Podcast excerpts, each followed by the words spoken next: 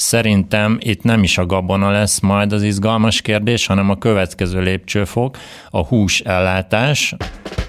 Üdvözlöm, ez itt a Concord Podcast. Egy műsor, ahol a Concord munkatársai minden héten alaposan megmondják véleményüket pénzről, gazdaságról, politikáról és mindarról, amit egy Concordos nem hagyhat szó nélkül. Tehát lesz a 2007-2008, amikor dőlnek a jelzálog hitelek Amerikában. Igen, akkor ez a kérdés. Tartson velünk!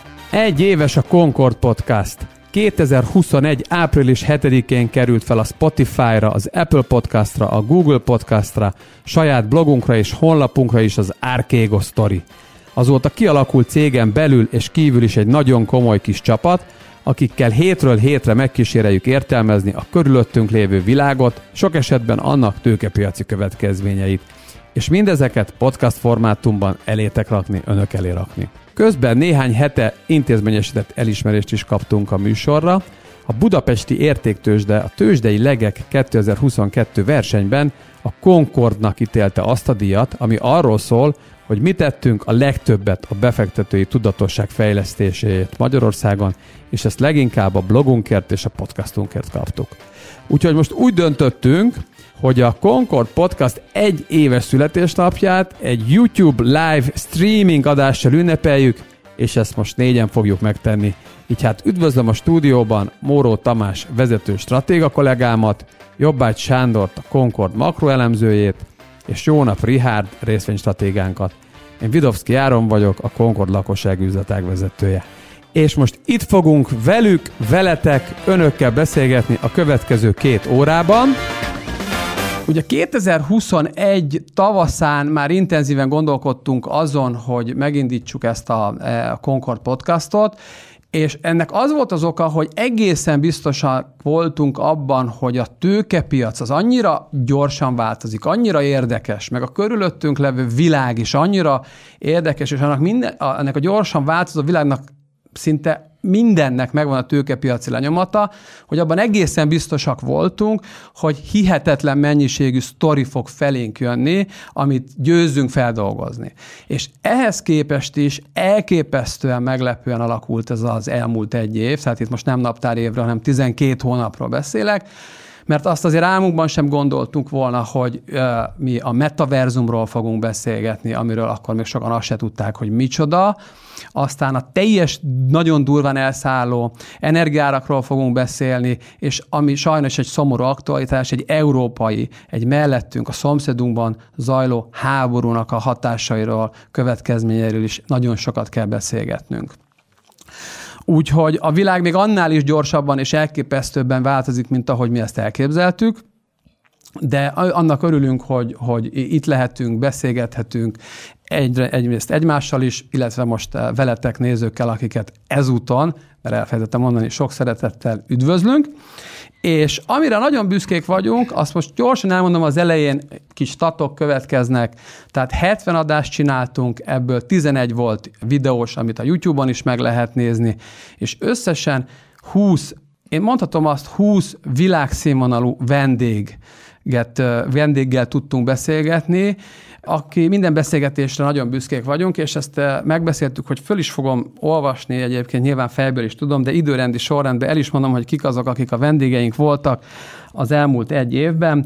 Pozvai Zsolt, Szuppán Márton, Weiler Péter, Gerendai Károly, Szilágyi Áron, Novák András, Herendi Gábor, Sebestyén Balázs, Csiszár Gergő, Kovács Henrietta, Forgács Fábián Sára, Svábi András, Kereszti Gábor, Barta Ákos, Bánhidi Brigitta, dr. Hanula Barna, Ezbíró Zoltán, Juhász Gergely, dr. Batta András, Sándorfi Balázs. Az egészben az a leg, döbbenetesebb számunkra, vagy az a legjobb megélés, hogy, hogy ez az egy év rádöbbentett szerintem mindannyiunkat arra a beszélgetéseink során, hogy közöttünk, tehát magyarok között mi e világszínvonalú emberek élnek, dolgoznak, és hogy, hogy, hogy igazából tényleg csak a maximum nyelvi korlátok azok, amik, amik ezeket az embereket világszinten is ismerté teszik. Tehát ez a lista, akik, akiket itt felsoroltam, elképesztő büszkék vagyunk, hogy velük tudtunk beszélgetni. Na, de ennyit a statisztikákról. És akkor most jöjjön valóban az élő adásnak a lényegi része, amit azzal tudnék kezdeni, hogy a idefele jövet egy autóban utaztunk, és tulajdonképpen már az autóban egy picit összevesztünk azon, hogy mi, lenne a, mi legyen a kezdő kérdés, mert én azt akartam megkérdezni, hogy hogy vagytok. De azt mondták a többiek, hogy ez egy nagyon szar kérdés, úgyhogy kér, megkérdezem inkább azt, és akkor ezzel is igazából csak melegítünk az egészre, hogy bár ez sem túl eredeti, de akkor gyerekek, kinek mi volt a kedvenc podcastja, melyik volt a kedvenc beszélgetése, ki hol érezte magát a legjobban, vagy ki az a, ki mire emlékszik szívesen? Jó, hát ezen gondolkodtam azóta, de valójában nincsen kedvencem, mindegyiket szeretem. Nekem ami a legnagyobb élmény volt ezzel kapcsolatban az az, hogy hogy nagyon-nagyon színes volt az egész, mind a témaválasztás, mind a, az előadók személyiségét vagy személyét tekintve. És tök jó, hogy nem egy pártlapot működtetünk. Tehát nem arról van szó, hogy van egy központi iránymutatás, és akkor gyakorlatilag ementén egy, egy feszes ideológiai elvrendszer mentén kell adásokat gyártani, hanem sokfajta vélemény meg tud fogalmazódni, sokfajta témában. Szerintem nagyon-nagyon színes és izgalmas az egész és ennek a műfajnak egyébként ez a sajátossága, úgyhogy, úgyhogy én azt gondolom, hogy, hogy az nagyon jó volt, hogy a, nagyon sok különböző előadót hoztunk be, a témaválasztás is nagyon jól sikerült véleményem szerint, és, és összességében egy, próbáltuk lesze, lefedni a témáknak egy széles spektrumát, ami talán érdekli a nézőket, hallgatókat. De melyik volt a kedvenced? Hát azt gondolom, hogy ami így aktualitását tekintve a legizgalmasabb, az szerintem az energiapolitikához kapcsolódó podcastok, mert hogy ami abban megfogalmazódott, az egyrészt húzsavágó, másrészt nagyon aktuálissá vált, és ugye ezzel kapcsolatban több adás is született. Nekem ez volt, ami, ami, ami leginkább megérintett. Világos Ricsi? Nekem a strandbüfé infláció talán, mert nagyon sajnálatos módon az infláció is egy top téma lett az elmúlt időszakban, viszont pontosan a strandbüfé infláció mutatott meg egy olyan megmagyarázhatatlan vagy nehezen kategorizálható dolgot, hogy itt folyamatosan zajlik nagyon-nagyon sok helyen síhüttékben, strandbüfékben egy olyan fajta infláció éttermekben, hogy egyre inkább magasabb minőségtartalmú és ezáltal magasabb margin tartalmú lehetőséget biztosító termékekre és sok esetben szolgáltatásokra cserélik az üzleti szereplők a korábbi termékeiket és szolgáltatásaikat, és hogy összehasonlíthatatlan az egy vagy két évvel az előtti palettával, kínálattal az adott évnek a kínálata. És éppen miatt van egy minőségemelkedés az inflációban, de ugye a magasabb margin kapcsán ez így nem igazán jelenik meg. A másik nagy kedvencem és a kedvenc pár percem az az volt, amikor Áron itt ültél mellettem, és itt ültünk a Báhidi Brigittával, és ő a visszajelzések fontosságát magyarázta el, és azon azért nagyon lehidaltunk, és azt beszélgettük ugye hazafelé tartva, hogy azért jó lett volna ezt gyermeknevelésben már korábban megtudni, hogy hogy kell pontosan visszajelzést adni. Az jóval túlmutatott minden üzleti és egyéb dolgon. Nekem ezek voltak a kedvenc. Világos. Na most Sanyi, eh, rád azért mosolygok, mert egy makroelemző mindig handicappel indul egy picit, amikor, eh, amikor beszélnie kell, mert azért neked viszonylag száraz adatokat ismerve kell valahogy úgy beszélni, hogy az érdekes legyen. És ehhez képest azért jó sok adásban voltunk együtt, és nagyon sok érdekességet tudtál fölhozni azokból az egyébként a kívülálló számára nehéznek tűnő témákból, tehát most is szépen fölvezettelek, hogy adjak neked valami kis segítséget, na, de most ezek után akkor megkérdezem, hogy akkor neked melyik volt a kedvenc adásod? Köszönöm, hogy így, így egyből megkönnyítetted a, a helyzetemet, de egyébként én nagyon, nagyon élvezem azt, hogy egy ilyen, ilyen részvénysztori tengerben tudok makroelemzőként kicsit így lubickolni, és mindegyikből tanulok valamit, ami, ami aztán egy visszacsatolása a makroelemzésbe is, hiszen hát a makro az, az ezekből a sztorikból áll össze végül is. És én is egyébként azt gondoltam, hogy nehéz kiválasztani egy, egy podcastot, de, de azért, azért mégiscsak um, kiemelném ezt a bizonyos a pénz megkínzása címűt, ami, ami nekem nagyon tetszett, mert azt gondolom, hogy, hogy ennek van egy, egy kifejezetten filozófiai mélysége is ennek a dolognak, Csak röviden ugye a lényege az akarna lenni a történetnek, hogy ez a, ez a pénznyomtatásos gazdaságpolitika, ami, ami nagyon jellemzővé vált gyakorlatilag 2008-tól kezdve, ez ez lényegében ugye kezdi megenni a pénz fő funkciói közül az egyiket, a, a kincsképző funkciót, ami egy elég alapvető dolog, és, és valahol visszásnak is tűnik egy picit, hogy amikor arról vitatkozunk egyébként ilyen fancy témákban, hogy a bitcoin az pénz vagy nem pénz, és milyen pénzfunkciókat tud betölteni, közben kiderül, hogy a, az úgymond igazi pénz, amit pénznek gondolunk, az meg kezdi elveszíteni a, a pénzfunkcióit, legalábbis egyet. Szerintem ez egy, ez egy nagyon izgalmas téma valahol azt gondolom, ahogy így több podcastot is végig gondoltam, ami, ami nagyon tetszett, hogy, hogy egyrészt tetszett, ahogy, ahogy ezek a témák kilettek fejtve, de közben meg rájöttem, hogy azért jó lett volna, hogyha ezek nem is, nem is lennének ezek a témák, mert ez a pénz megkínzása, ez valójában a pénzfelhasználók megkínzása. Talán majd visszatérhetünk erre, mert szerintem ez, ez elő fog kerülni annak kapcsán is, hogyha egy kicsit majd beszélgetünk arról, hogy milyen év állhat előttünk de ez nagyon izgalmas olyan szempontból is, hogy, hogy egy kicsit megkínozza azokat is, akik használni szeretnék a pénzt. És Világos majd meglátjuk, hogy mit hoz a jövő ezzel kapcsolatban. Jó, de engem nem kérdezett meg senki, de azért én elmondom, hogy az én kedvenc műsorom az a időben egyébként közel áll hozzá a cancel culture, arra később vissza fogunk erre térni, arra nagyon büszke vagyok arra az adásra, meg arra a beszélgetésre, meg arra a gondolatiságra, ami ebbe dolgoztunk. Szerintem rendkívül aktuális lesz a következő hónapokban és években, de közben, így mondom nektek, Tomi az látja, tehát az fog történni, hogy itt elindult közben a chat fal, és jönnek a kérdések, és fölolvasok többet, és aztán szemezgetünk belőle. Az OTP-t milyen módon érinti a háború, mik az egyszeri veszteségek, és mik azok a bevételek, amelyek akár hosszú távon is elvesztek, illetve jött egy olyan kérdés, hogy mit gondoltok arról, hogy az oroszok az ukrán háborúba mozgó krematóriumot vittek, illetve van olyan kérdés, hogy a forint kamatemelési ciklusnak hol lehet a vége. Nem azt mondom, hogy most ezekre rögtön válaszoljunk, csak ezzel azt akartam igazándiból szemetetni, hogy azért jönnek a kérdések, bár hogyha bárkinek bármihez van véleménye, akkor nyugodtan ezt mondjátok. Talán az OTP-vel lehet egy picit kezdeni. Hát igen, az OTP mindenkit érdekel nyilvánvalóan, egy ilyen emblematikus magyar befektetési eszközről van szó, ami ráadásul érintett az orosz-ukrán háború elég rendesen meg persze a magyar makrokörnyezet által. Úgyhogy hát a kamatemelési cikluson majd Sanyi beszél, hogyha ha erre sor kerül. Az OTP-t tekintve szerintem van egy ilyen nagyon közvetlen hatás így Oroszország és Ukrajna tekintetében, tehát hogy mi lesz ezzel a két lányvállalattal. Ezek teljesen mennek a lecsóba, úgymond, vagy pedig még valamilyen jövővel esetleg rendelkeznek. Nem tudjuk erre a választ, az a legjobb válasz. Többfajta opció lehetséges, nem néz ki most jól az orosz kitettség túlzottan, és nem csak azért, mert Oroszországban hatalmas veszteségek lehetnek bármelyik bank számára, hanem azért is, mert hogy nem elfogadott jelen pillanatban orosz lányvállalatot működtetni. Tehát, hogy lehet egy olyan helyzet, ahol az OTP-nek egyébként is meg kell válnia ettől a lányvállalatától.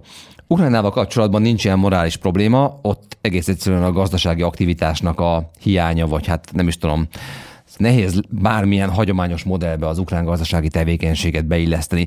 Azért hozzátenném, hogy, eh, hogy nagyon reziliensek tudnak lenni gazdaságok még háborús helyzetben is, és Ukrajna is ilyen lesz szerintem, de az, hogy ez banki szinten a működésben mit jelent, az azért nagyon-nagyon kétséges, tehát hogy ebből bármilyen módon az, az OTP tudna profitálni. Ez a közvetlen kitettség. És akkor van a közvetett, ami egy általános európai gazdasági lassulás, ezen belül Magyarország lassulása, esetleges recesszió, kapunk-e EU pénzeket, milyen lesz a magyar növekedés, tehát egy csomó kérdője van ezzel kapcsolatban, hitelezési aktivitás hogyan fog változni, ugye vélhetően nem bővülni, hanem inkább szűkülni fog. Ugyanakkor van egy MNB kamatpolitika, ami támogatja a bank nyereségességet, hiszen betéti oldalon az OTP nem fizet gyakorlatilag semmit a betéteseknek, nem csak ő, más bank sem.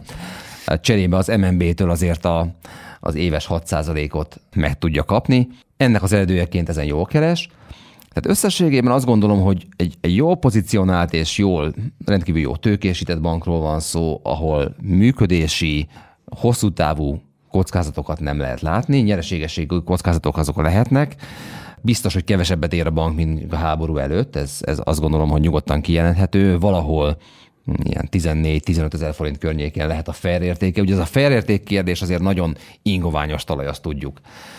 Úgyhogy, úgyhogy érinti, komolyan érinti, de nem végzetes nyilvánvalóan. Világos. Közben azon gondolkodtam, hogy azt látom, hogy aki beküldte a, a, mozgó krematóriumra vonatkozó kérdést, 14 és fél éves fiúról van szó, és Szóval nem, nem, nem, nem tudunk elmenni amellett a dolog mellett, hogy amikor mi gyerekek voltunk a 70-es években és a 80-as években, mi nagyon élénken foglalkoztat mi a, a, a szüleinktől, vagy a nagyszüleink generációtól, mi ha végig hallgattuk, vagy ismertük első kézből a második világháború borzalmait. Tehát nekünk vannak élő emlékeink arról, hogy a mi szeretteink, meg rokonaink el tudták mesélni, hogy mi történt a második világháborúban ami vagy segített, vagy nem, de az biztos, hogy személyessé tette valamilyen szinten a, a, a háborúnak a borzalmait. Na most nekünk azt kell itt tudatosítani szülőként, 40-50 év körüli emberként, hogy ezeknek a generációnak, aki itt föltette ezt a kérdést, a, a, egyébként az rendkívül szerencsés 77 év békeév, ami, ami a, a történelemben is ritkaság, hogy 77 év béke volt lényegében Európában, leszámítva egyébként szintén szörnyű délszláv háborút, hogy itt van egy fiatal generáció, akik tele vannak félelemmel, és nyilván ez a kérdés is, ez a mozgó krematórium, nyilván ennek egy, egy, egy, egy, egy, egy, egy teljesen manifestálódása, hogy egy, egy, egy 14 éves fejében ez nyilván ahogy a mi fejünk is gyerekként, meg felnőttként is egy borzalomként él. Tehát, hogy a, az, hogy a kérdésre megválaszolva, hogy mi a véleményünk arról, hogy mozgó krematóriumok vannak ott, ha ez beigazolódik, hogy ez tényleg így van, akkor ez egy borzalom. Ezt biztosan tudjuk mondani. De ami ennél fontosabb, illetve nem, hogy fontosabb, hogy valahogy, és az a kérdés itt a harmadik percben rájelentotta a figyelmet arra, hogy nekünk nagyon is foglalkozni kell a fiatalok. És nem csak a 14 évesek, egyébként az idősebbek, a 20 éveseknek a félelmeivel is, akik nem élték ezt meg. Én rácsat csatlakoznék erre a kérdésre, és megnyugtató választ nem tudok adni ezzel a háborúval kapcsolatban, viszont két olyan olvasmányt tudok javasolni mindenkinek, ami, ami szerintem sajnos így 2022-ben full első számú kötelező olvasmány. Az egyik egy kassai születésű, magyar származású holokauszt túlélői az Editéva Eggeri, és a döntés címet viseli, ahol egészen elképesztően le vannak írva 44-es év és a 45-ös 1944-45-nek a borzalmai, viszont ö, valahol a befejezése az egész történetnek felemelő és, és elképesztő.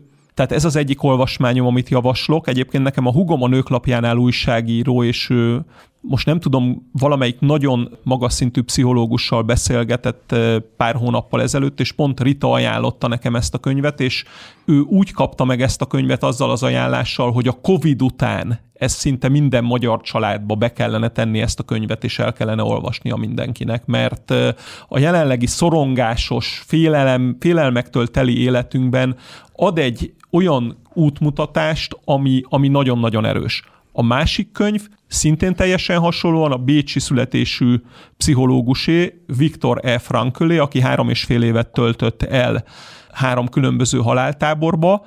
A könyvének a címe az És mégis mondj igent az életre.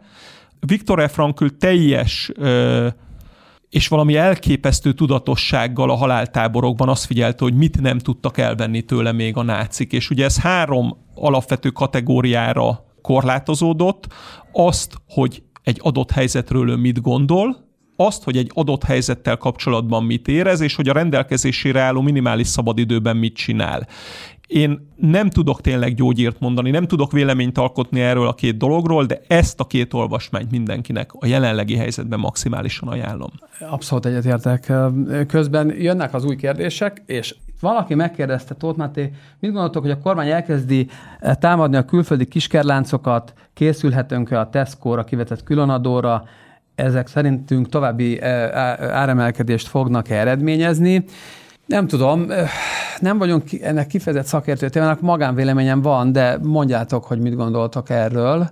Hanem akkor én addig elmondom, hogy szerintem az Aldinak, meg a Lidlnek azt mindenképpen köszönhetjük, hogy a széles rétegek számára elérhető jó minőségű élelmiszereket lehet kapni Magyarországon, de átadom a szót. Én azt gondolom, hogy ha picit messzebbről indítunk, hogy, hogy különadók, szektorális vállalati különadók, azok szinte biztosan lesznek, és ugye félig meddig ezt, ezt megerősítette a, a, a legutóbbi miniszterelnöki beszéd is.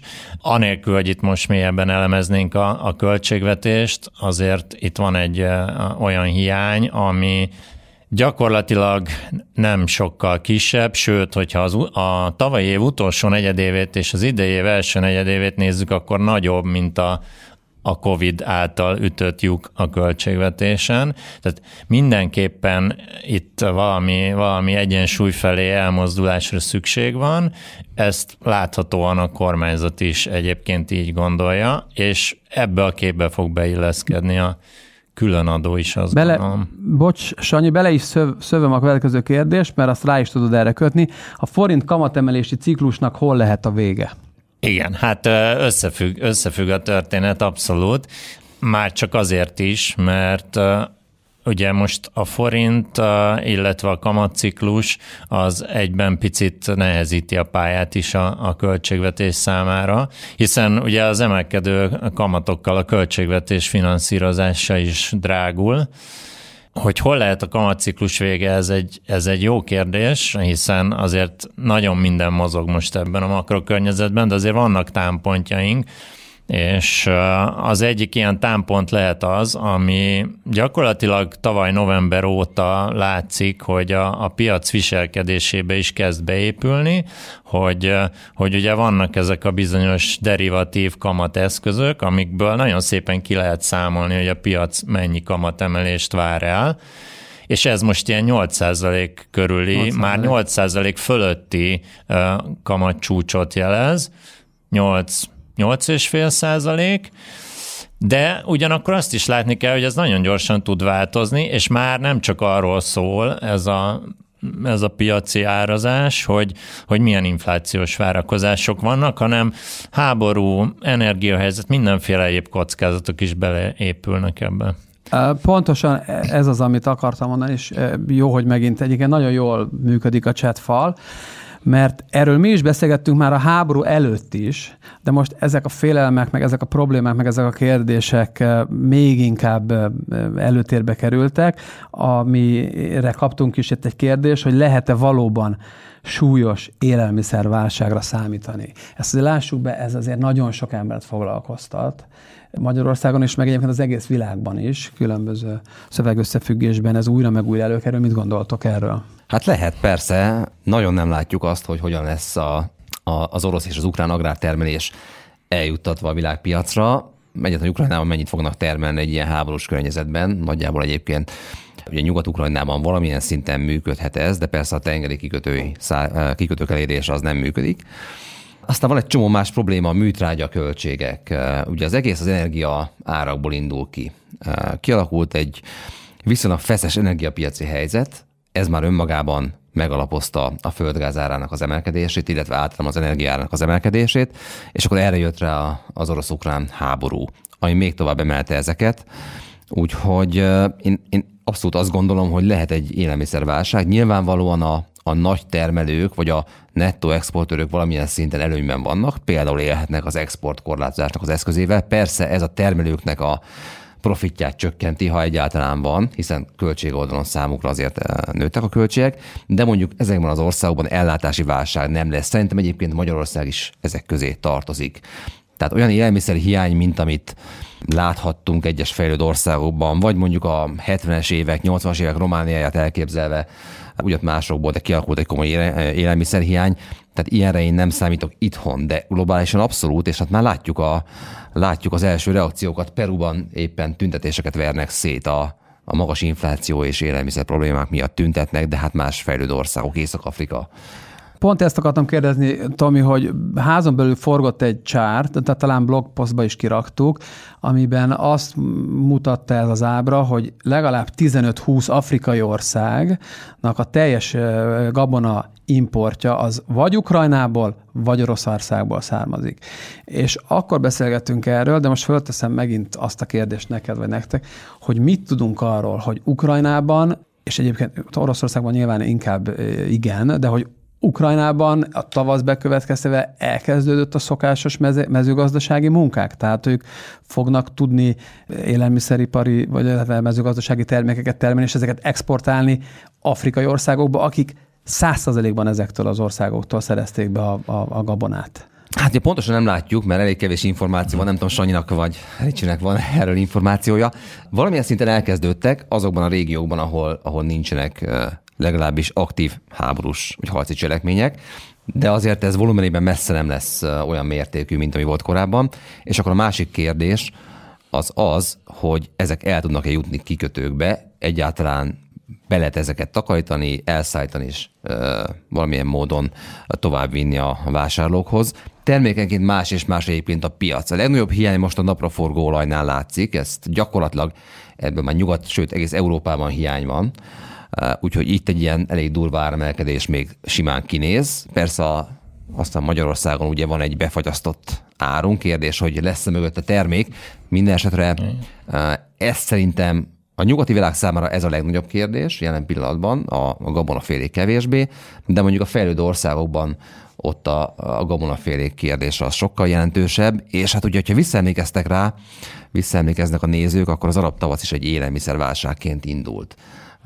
Úgyhogy azért, és az eléggé átrendezte Észak-Afrika közel-kelet politikai térképét. Igen, és ha, ha még el szabad egy, egy gondolatot, ez szerintem is egy nagyon fontos kérdés, és, és ugye az arab tavasz kapcsán már, már sokaknak eszébe jutott, hogy ennek a folytatása jöhet Afrikában, mert, mert élelmiszerválság már gyakorlatilag van. Én azt gondolom, hogy jelen időben beszélhetünk, Afrikában ez már van. Egyiptom például egy különösen kiemelt ország, ahol nagyon nagy állami dotáció van a kenyér árában. Tehát ott gyakorlatilag már a költségvetés felborulása szélén vagyunk, emiatt az élelmiszer probléma miatt, Ukrajna és, és Oroszország. A nagy kérdés, hogy Oroszországból, ahol lesz gabona, és elszállítható, onnan meg fogják-e venni, meg tudják-e, meg akarják-e venni a, a gabonát.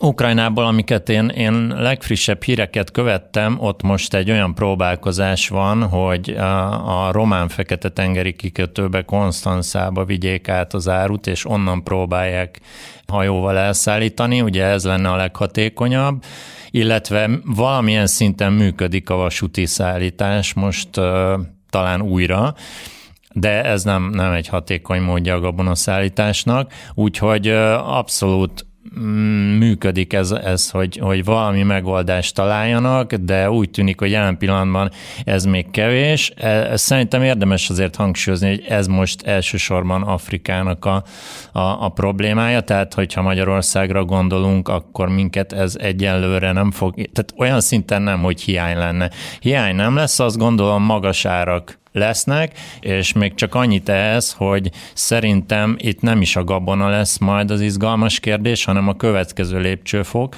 a hús ellátás, tehát a, a, a húsáruk, és uh, mégpedig azért, mert a takarmánygabonából lesz hiány első körben, illetve már van is, és, és majd ez, ennek a hatásai fognak első körben tovább gyűrűzni. Világos. Közben jönnek a kérdések, mondom is, ingatlanpiac hogy fog alakulni szerintetek az elkövetkező néhány évben? Még mindig megéri ingatlanba fektetni. Ez válaszolok erre én, mert általában azt szoktuk csinálni, hogy amihez mi nem értünk annyira, mert nem ez az elsődleges szakterületünk, arra szoktunk meghívni szakértőket. És pont ebben a témában hívtuk meg körülbelül másfél héttel ezelőtt Sándorfi Balást, akit kizárólag erről faggattuk másfél órán keresztül, fönt van ez az adás is YouTube-on, meg Spotify-on mindenhol, de én a, a záró két mondatát azt el tudom mondani, hogy ő erre mit mondott, és azért mondom el, mert ő ebben a szakértőben mi, kevésbé mi, és gondolom itt a kérdés a lakóingatlanokra vonatkozott, és ő azt mondta, hogy a lakóingatlanok piacán el kell külön, tehát azokra koncentrált, akinek ingatlant kell vásárolni valamilyen szempontból, és ehhez hitelt is föl szeretne venni, és az volt a konklúziója, hogy a következő fél éves távban lát egy 4-5 százalékos árcsökkenést a lakóingatlanok piacán, de ugyanakkor, aki ehhez hitelt is szeretne fölvenni, ott viszont sokkal inkább látja azt, hogy a, föl, a, a, a magasabb hitelkamatok miatt az egésznek az egyenlege, az ha valaki elhalasztja a vásárlását, az negatív lesz. Tehát, hogy sokkal jobban fölmehetnek a jelenleg még 5,2-es THM-mel fölvehető 10 éves forint hitelek, mondjuk fél év múlva, mint amit ez a mondjuk szerinte 4-5 százalékos lakás piaci áresés kompenzálhat. Tehát a, a válasz röviden az az, hogy ha ki hitelt is akar, az vegye meg most. Aki egyébként csak befektetésre akar vásárolni lakó ingatlant, az egy picit várhat, de határozottan, tehát még egyszer mondom, tehát ez a, ez a, ez a meghívott vendégszakértőnknek volt a konklúziója. Ha ez valamit hozzá akartok tenni, akkor mondjatok, ha nem, akkor egyetlen egy dolgot, kérdést. Egyetlen egy dolgot tennék hozzá, és ez nem a saját véleményem, hanem az amerikai részvénypiacnak a véleménye ugye gyakorlatilag az éves range valahol a közepén tart az S&P 500 index, viszont a sok hónapos mélypontok között nagyon érdekes módon felbukkant a Home Depot, és felbukkantak a házépítők. Tehát a hasonlóan az elmúlt időszakhoz képest agresszív monetáris szigorítást váró Egyesült Államokban egyre inkább arra kezd berendezkedni a részvénypiac, hogy itt az építésekbe és az építkezésekbe egy lassulás fog bekövetkezni. Szóval nagyon nagyon furcsa ez a mostani helyzet, mert hogy egy normális gazdasági ciklusban, amikor lefelé megyünk, akkor mindennek az ára általában esik. Ugye egy ilyen kicsit ilyen deflációs periódus felé szoktunk tartani, beleértve az építőanyagokat, nyersanyagokat, építési költségeket is, és jelen pillanatban pont nem ez volt a helyzet, legalábbis visszatekintve gyakorlatilag minden nyersanyagnak elszállt az ára az égbe, ez részben egyébként azért van, mert orosz-ukrán importból származik egy csomó minden, tehát hogy a költségoldal nyomás óriási ebben a szektorban, Ugyanakkor a keresleti oldal legalábbis a hitelből származó vevőknél biztos, hogy gyengülni fog. Lengyel ingatlan piac nincs olyan messze tőlünk, friss számok jöttek ki összeomlott az értékesítés volumene január-februárban, különböző okok miatt, ugye kamatemelés, elindult a háború, és aztán utána ez visszapattan, de igazából a készpénzes vevőknek köszönhetően, tehát a hitele történő vásárlások, főként egyébként a, a kamatemelések miatt azok, azok lefékeződtek, és aki viszont készpénzből vesz ingatlant, az, az azt gondolja, egyébként ez hosszú távon abszolút jogos, ezt hozzá kell tenni, hogy a, egy inflációs környezetben a, a lakó ingatlan, az legalábbis egy inflációs védelmet nyújt. Ez úgy általában és hosszú távon igaz, rövid távon persze azért ez könnyen lehet, hogy ez egy túlárazott piacon történő vásárlás jelent. Most egy Ja, mondjad. Én, én csak, a, ha, ha már volt az amerikai részvénypiac véleménye, csak a magyar kötvénypiac véleményét szeretném a, a kérdéshez ide tenni, hogy ha valaki lát most 5-6 százalék körüli uh, hitelkamatokat, mondjuk 10 évre, akkor tegye mellé, hogy ma a kockázatmentes, tehát hitelkockázattól mentes magyar állampapír hozama az 7% közelében volt a 10 éves, ennyin tud az államhitelhez jutni. Tehát érdemes, érdemes ezt a kettőt egybevetni, és meggondolni, hogy ez mennyi ideig maradhat így. Igen, és akkor ö, fölteszem itt a következő kérdést, illetve most nem időrendben haladok, mert aztán majd visszamegyünk, amikor odaugrunk a témában. Mit gondoltok, milyen hatása lesz az inflációnak és a várható gazdasági válságnak, tehát itt valaki már gazdasági válságot, a hazai ingatlanpiacra, de tulajdonképpen ez ez. Itt ez a kérdés, hogy lesz-e gazdasági válság. Tehát ebben már a, a kérdező megfogalmazott, hogy várható gazdasági válságot ö, prognosztizál. Egyébként, ha itt tartunk, lesz gazdasági válság? Hát ez egy ez a legfontosabb kérdés. Ugye Sanyi a legautentikusabb válaszadó erre. Én röviden elmondanám, mit gondolok erről. Na, mondjad. Szerintem nagyon sok múlik azon, vagy két dolgon. Egyrészt, hogy mennyi pénzt kapunk az EU-tól a válságkezelésre, ha már válságról beszélünk. A másik pedig az, hogy mi lesz az energiaárakkal, egyáltalán a fizikai ellátással. Ugye Magyarország egy rendkívül rendkívüli mértékben energiaimportra szoruló gazdaság, ezzel nem, nem tudunk nagyon mit csinálni rövid távon pláne, és ez az energiaszámlánk nagyon-nagyon felment. Ezt még igazából nem éreztük eddig a külker, illetve a fizetési mérlegen, de hogyha az idei egész évet megnézem, és maradnak a mostani árak, akkor, akkor az egy sok milliárd eurós lyukat tud ütni a fizetési mérlegünkön. Szerintem a GDP 4-5 ára becsülni ezt nem túlzás. Ami nettó pénzkiáramlás a gazdaságból, és tulajdonképpen is vinni a reál növekedésünket, úgyhogy ezt tudná kompenzálni az EU tól befolyó különböző módon megcímkézett forrás. Ebből szerintem lesz, amit megkapunk, lesz, amit nehezebben, lesz, amit egyáltalán nem. Nyilvánvalóan a kormány is felismerte ezt, és láthatóan elkezdett dolgozni annak érdekében, hogy ezekből kapjunk. Meglátjuk. Én azt gondolom, hogy esély van rá, ezen a két tényező múlik. Itt jött még egy ezzel kapcsolatban csak egy nagyon jó kérdés, aztán mindenki elmondhatja még, csak, csak egy csomó dolgot össze lehet kötni mindent mindennel. Gondoljátok, hogy az energiaválság hatására az olajcégek, BP, Shell, Total visszafogja-e a zöld tranzakcióját, hogy jobban ki tudja elégíteni az európai piaci igényeket? Ez egy elég valid kérdés. Persze gondolkodhatunk rajta, csak közben nyomom, földobálom, amik itt érkeztek nem tudom, Sanyi, lesz válság, csak visszatérve az előzőre, hogy, hogy... Én nem szeretek válságról beszélni, meg is mondom, hogy miért, mert ha elég sokat beszélünk róla, akkor lesz. Tehát én, én meglehetősen alul értékeltnek érzem a, a várakozások szerepét, amikor azon gondolkodunk, hogy mi lesz. Ha elég sokat beszélünk róla, Hát most nem csak mi, most Amerikában nagyon kiélezett ez a dolog, ugye inverse hozamgörbe van, és mindenki arról beszél, inverse hozamgörbe van, akkor recesszió lesz, ami egyébként a másik szála a történetnek, hogy a recesszió az nem egyenlő a válsággal, a recesszió az ebben a kapitalista rendszerben, amiben vagyunk, az egy normális jelenség. A válság az ugye a, a, a kezelhetetlen helyzetekről szól inkább. Én azt gondolom, hogy ilyennek nem feltétlenül kell lennie, abszolút egyetértek Tomi azzal, hogy, hogy amit mondtál, hogy az energia és az EU-s pénz az kulcskérdés, most Magyarországra visszakanyarodva. Itt azt gondolom, hogy EU-s pénzek lesznek. A, a nagy része az, az meg lesz, Időbeni csúszás már így is van, az még lesz is, de, de fognak jönni ezek az EU-s pénzek. Lehet, hogy nem lesz ez egy egyszerű menet, de, de azt gondolom, hogy lesznek.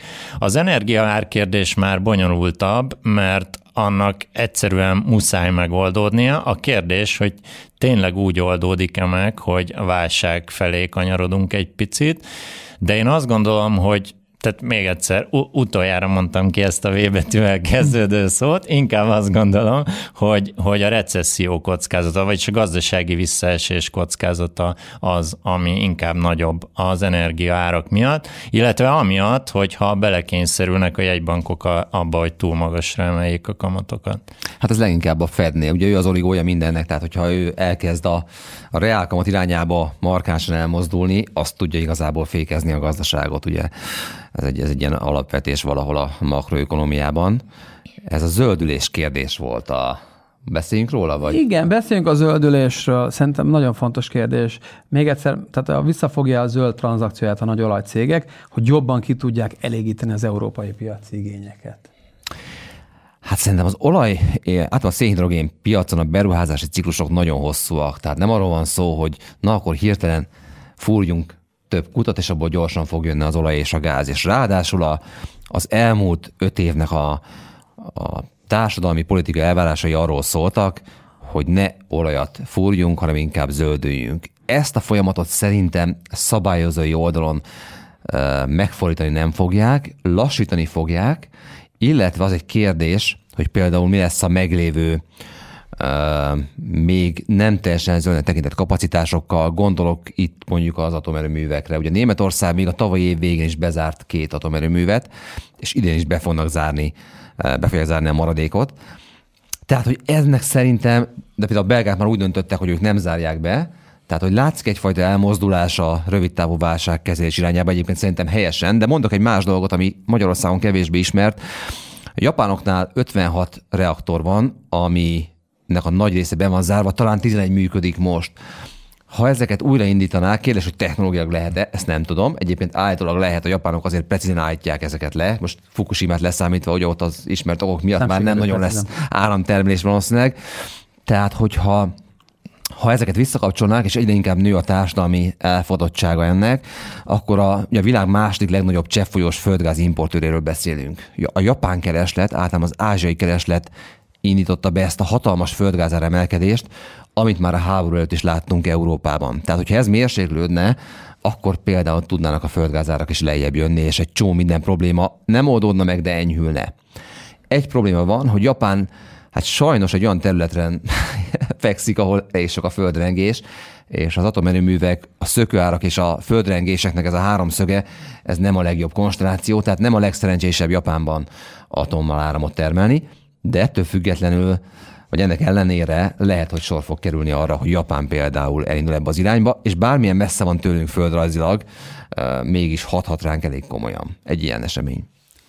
Szerintem egybe kell kapcsolni az inflációs kérdést ezekkel a energiaválság kérdésekkel is egy bizonyos értelemben, és van egy nagyon sokszor alulhallgatott faktor ebben az egész világon. Erről is csináltunk egy adást, a kinőttük a földet, vagy kinőttük a földet infláció. És itt van egy, volt egy olyan állítás, ami igaz a jelenlegi világunkban, másodpercenként 5 ember, azaz évente 150 millió ember, aminek a 87%-a ázsiai, csatlakozik be a globális középosztályba, ami azt jelenti, hogy napi 11 dollárnál többet tud költeni. Ez a világnak évente a 2%-a. Ami a középosztályba való becsatlakozást jelenti, egy nagyon egyszerű dologként is megfogalmazhatjuk ezt, az egy magasabb energiaszámlát, magasabb energiafelhasználás jelent. Több benzin, több földgáz, több áram, és ezek a dolgok. Tehát együtt a világon nagyon hirtelen és nagyon gyors zöldítést csinálni, és kiegészít, és kielégíteni azokat az igényeket, hogy továbbra is ennyi embertársunk csatlakozzon be a középosztályba a világon, kvázi lehetetlen. Tehát erre kell majd valamilyen megoldást találni. És az én személyes véleményem az az, hogy előbb-utóbb, ha ez a helyzet így folytatódik, ez a fajta energiaválság, akkor az a politikusokra fog egyfajta nyomást gyakorolni, és ez a zöldítési folyamatokban fog ö, egyfajta visszavételt jelenteni, illetve, hogy ennek azért a pozitív oldalát is nézzük, a különböző energetikai találmányok és zöldítési találmányok felé azért nagyon-nagyon sok pénz fog allokálódni az elkövetkező időben, és ez befektetési lehetőséget is fog adni nagyon sok esetben. Ha szabad még ez egy makroszemmel megint csak egy, egy gondolat, vagy lehet, hogy kettő lesz belőle, mert azt gondolom, hogy itt földrészenként nagyon nagy különbségek vannak. Európában, és itt visszakanyarodnék a különadós kérdéshez, az energiacégek is ugye benne vannak a pakliban külön adó szempontjából, és Európában ugye formálódik ez a bizonyos Repower EU projekt, ami ugye az orosz gázról, energiáról való leszakadást célozza.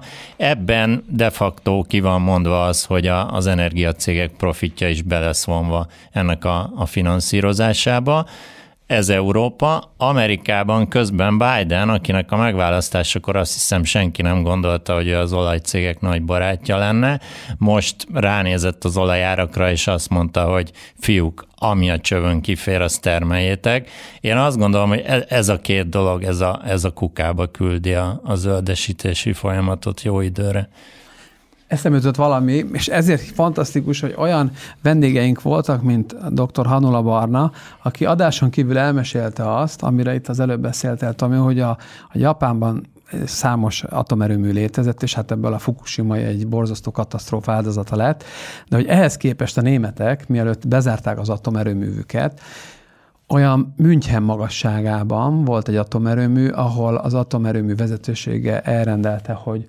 cunami riadót kell tartani. Tehát nagyjából 1500 kilométerre a legközelebbi tengertől ők ilyen cunami riadót, és azt, azt, azt tesztelték, hogy az hogyan Fel kell készülni mindenre. Lehet. Hatni. Tehát ez csak úgy eszembe hogy a Fukushima-t odarakták a tengerpartra, a németek pedig 1500 km arra beriadóztatták az, az atomerőművéket, majd bezárták. Tehát, hogy na mindegy. Van valakinek valami, mert akkor közben ez egy érdekes kérdés, bár nagyot ugrunk, eh, illetve nézegettem, hogy mi jött. Eh, picit elmehetünk a részvények kriptó világában. Korábban jött egy kérdés, hogy a kriptopiac hogy mozog egy háborús időszakban? Ez azért jó kérdés, mert a kriptopiacnak még soha nem kellett megmutatnia magát egy háborús időszakban újra és sokszor, és megint hangsúlyozunk, hogy sajnos, tehát saj, tényleg elképesztő, hogy erről kell beszélnünk, de most, most egy háborús időszakban bizonyíthat úgymond a kriptopiac. Mit láttunk kriptóval? Hogy mozognak az árfolyamok? Hát nagyon korrelálnak Nagyokkal. az amerikai technológiai részvényekkel. Tehát azért látszik, hogy a, a, a, a kriptó árfolyamok és a, és a NASDAQ viszonylag erős korrelációt mutat, nem mindig, és nem minden időszakban, de azért, azért van egyfajta korreláció. Igazából szerintem a kriptopiacnak most az első nagy tesztje, vagy inkább talán a második, ugye, a, a, egy Fed egy intenzív monetáris szigorítás időszakában hogyan fognak teljesíteni ezek, a, ezek az eszközök. Lesz-e olyan, amelyik ezek közül úgymond kiválasztódik, és egy ilyen klasszikus kincsképző eszközzé válik? Uh, ugye a kriptonál kamatról nehéz beszélni, tehát, uh, tehát ez egy, egyfajta ilyen elszenvedője az amerikai monetáris politikának. Nem tud a, a bitcoin nem tud reagálni kamatemelésre a, a, a Fed szigorításra. Uh, úgyhogy meglátjuk, hogyan fog működni. Az elmúlt hónapokban jelent jellemzően korrelált a, a, például a Nasdaq indexel, ami egyfelől logikus is. Hát másrészt meg ugye a háború ad, nek, ad ennek egy ilyen nagyon különleges ízt, hiszen a kriptó az remekül alkalmas arra, hogy például a szankcionált, mondjuk a szankcionált orosz entitások kripton keresztül működjenek. Janet Yellen, ugye amerikai pénzügyminiszter korábban jegybankelnök többször is kiemelte, hogy őket nagyon próbálják ezt figyelni, hogy felhasználják-e a szankciók megkerülésére a kriptoeszközöket, de például az ukránok kripto devizákban próbálnak akár külföldről pénzt gyűjteni. Tehát látszik, hogy ennek a, az egész kripto megoldásnak, kripto univerzumnak a jelentősége fel is tud értékelődni, szóval ilyen nagyon, nagyon komplex az egész, több, több hatás fog érvényesülni. A háború mindenképpen segíti a kripto, mint alternatív fizetési módszer elterjedését, ugyanakkor kapott egy elég komoly gorillát ebben a ringben, ezt Fednek hívják, aki az elkezdődött püfölni. Nagyon jól ketté vált ez a folyamat egyébként, mert tavaly november közepén végén, amikor a Fed ugye nyugdíjazta az átmeneti szócskát, ugyanúgy beborultak a kriptók, ahogy beborult nagyon sok egészen elképesztő ár per árbevétel számmal árazott részvény, tehát nagyon hasonló volt a mozgása az egészen elmebetegre árazott technológiai részvényekhez viszonyítva, viszont hamarabb jött benne egy erő az ukrán-orosz válságnak az eszkalációjával, Nyilván ott jelentkeztek ezek a menekülő eszköz, mi voltnak a hatásai, én is azt látom, hogy itt a kettő dolog az, az fog birkózni egymással, de de, de, de mindenképpen nagyon nagy kihívás lesz a kriptóknak az, hogyha intenzívebb lesz a kamatemelési ciklus Amerikában, mint azt korábban gondoltuk. Visszatérve erre a Cancel Culture nevű uh, podcastunkra, ugye az látszik, hogyha valakinek valamilyen devizában van megtakarítása, azt szankcionálhatják. Most már ugye, átléptük a Rubikont, itt most már bárkit bármilyen szinte lehet szankcionálni, sokszor jogosan, sokszor talán picit jogtalanul, ezt ugye most nem tisztünk eldönteni, de a lényeg az, hogy a hagyományos devizák azok és az ebben denominált eszközök szankcionálhatók, a kriptók talán kevésbé, legalábbis ez a percepció ezekkel kapcsolatban. Azért azt láttuk, hogy az FBI már göngyölített fel kriptócsalókat, foglalt le komoly összegben kriptodevizákat, tehát, hogy a, szabályozók, a hatóságok azért mennek a kriptó után, nyilvánvalóan ez egy új terület, nem annyira könnyű kezelni. Jelen pillanatban a kriptónak van némi előnye ebben a tekintetben. Nekem nagyon tetszett az a mondás, hogy a, a tech részvényekkel milyen erősen korrelálnak, mert én azt gondolom, hogy a kriptók azok tech részvények, és ez azért van így. Ezek, ezek egyszerűen olyan vállalkozások, amik egy új technológiát akarnak behozni a, a fizetési rendszerekbe, az elszámolási rendszerekbe, csak hát az a probléma, hogy a versenytársaikat azok a, a törvény védi, tehát gyakorlatilag egy, egy nem versenyző piacon próbálnak ők versenyezni, a jegybankok pedig amellett, hogy ő, ők a törvény erejénél fogva bocsátják ki a, a pénzt, ami, és működtetik a fizetési rendszereket. Emellett ők már gőzerővel dolgoznak, most már a világ jegybankjainak 80 vagy 90 százalékánál van ez a bizonyos CBDC projekt, vagyis a jegy, digitális jegybankpénz projekt, tehát ennek nem nagyon látjuk a frontvonalát, de a háttérben készül a, a kriptóknak a, a jegybanki versenytársa, ami aztán messzire vezet a történet, majd el fog vezetni azt gondolom egészen a monetáris és költségvetési politikák összeolvadásáig, de az biztos, hogy, hogy egyelőre azt igyekeznek mutatni a jegybankok, hogy nem, nem sok versenypályát akarnak hagyni a kriptóknak. Még egy dolog van, amit a kriptok kapcsán ö, gyakran nem szoktak, vagy szoktunk mi is emlegetni, hogy ugye ez egy pénznyomtatás elleni orvosságként lett bevezetve, és ugye a bitcoinnak is van egy korlátozott darabszáma, de az összes kriptónak nincs korlátozott nyomtatási képessége és darabszáma. Tehát én simán el tudom képzelni, hogy az elmúlt időszakban jellemzően látható 2000-3000 milliárd dolláros összpiac, összpiaci, összkriptodevizapiaci kapitalizáció, mondjuk 5 év múlva lesz 4000-5000 milliárd dolláros kapitalizáció, de hogy a bitcoin vagy az Ethereumára ugyanott lesz, mert annyi újfé, újfajta kriptó fog kijönni, hogy gyakorlatilag akár mozdulatlan árak mellett is tud növekedni itt a, a, az egész dolognak a kapitalizációja. Még egy, egy fontos dolog, pont tegnap olvashattuk, vagy hallhattuk, hogy a Fed úgy tűnik, hogy megkezdi a mérlegfőszeg csökkentését. A tervek szerint májustól havi 95 milliárd dollárra, ugye ez még nem végleges, csak mondjuk egy indikáció, és ugye amikor csökken a jegybankpénz mennyisége a világban, mert hát a különböző pénzmultiplikátorokon keresztül ugye ez nem jelenti egy az egyben a, globális pénzmennyiségnek, a, a globális dollár mennyiségnek az ilyen arányú csökkenését, de mutatja az irányt, hogy effektíve kevesebb dollár lesz most egy ideig.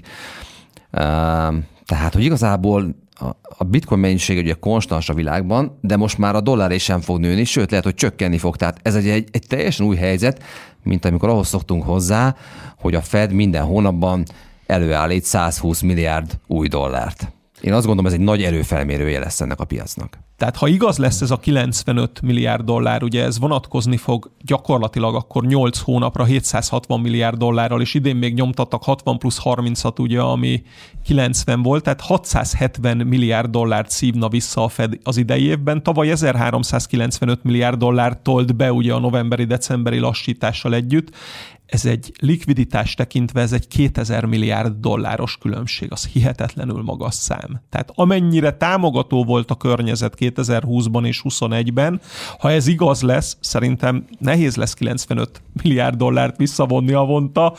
Legalábbis ez úgy szeptember-októberre, ez szerintem oda fog vágni. Emlékszünk 2018-ban, amikor a 4500 milliárd dolláros mérlegfőszeget 3800 milliárd dollárig építették le.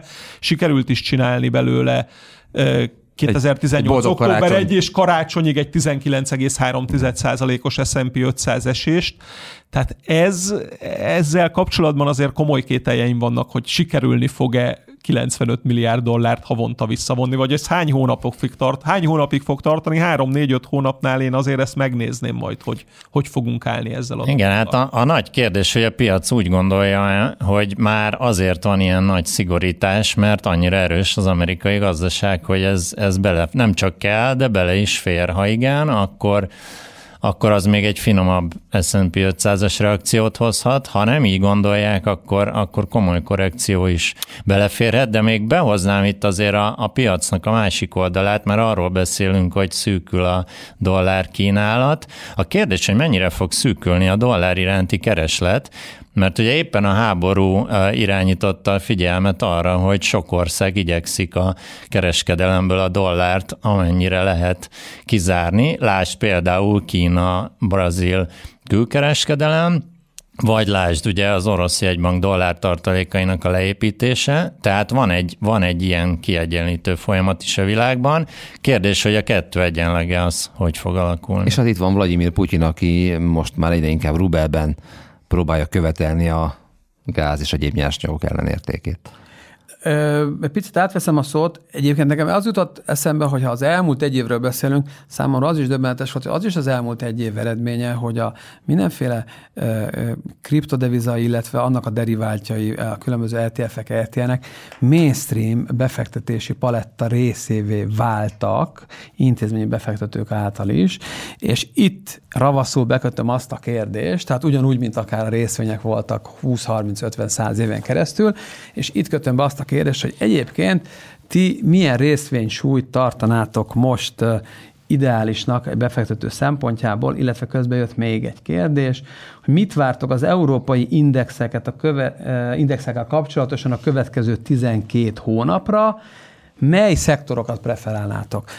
Na most koncentráljunk arra, hogy akkor először, hogy Európában mely szektorokat preferálnánk, ha egyáltalán preferálnánk Európában bármilyen szektort.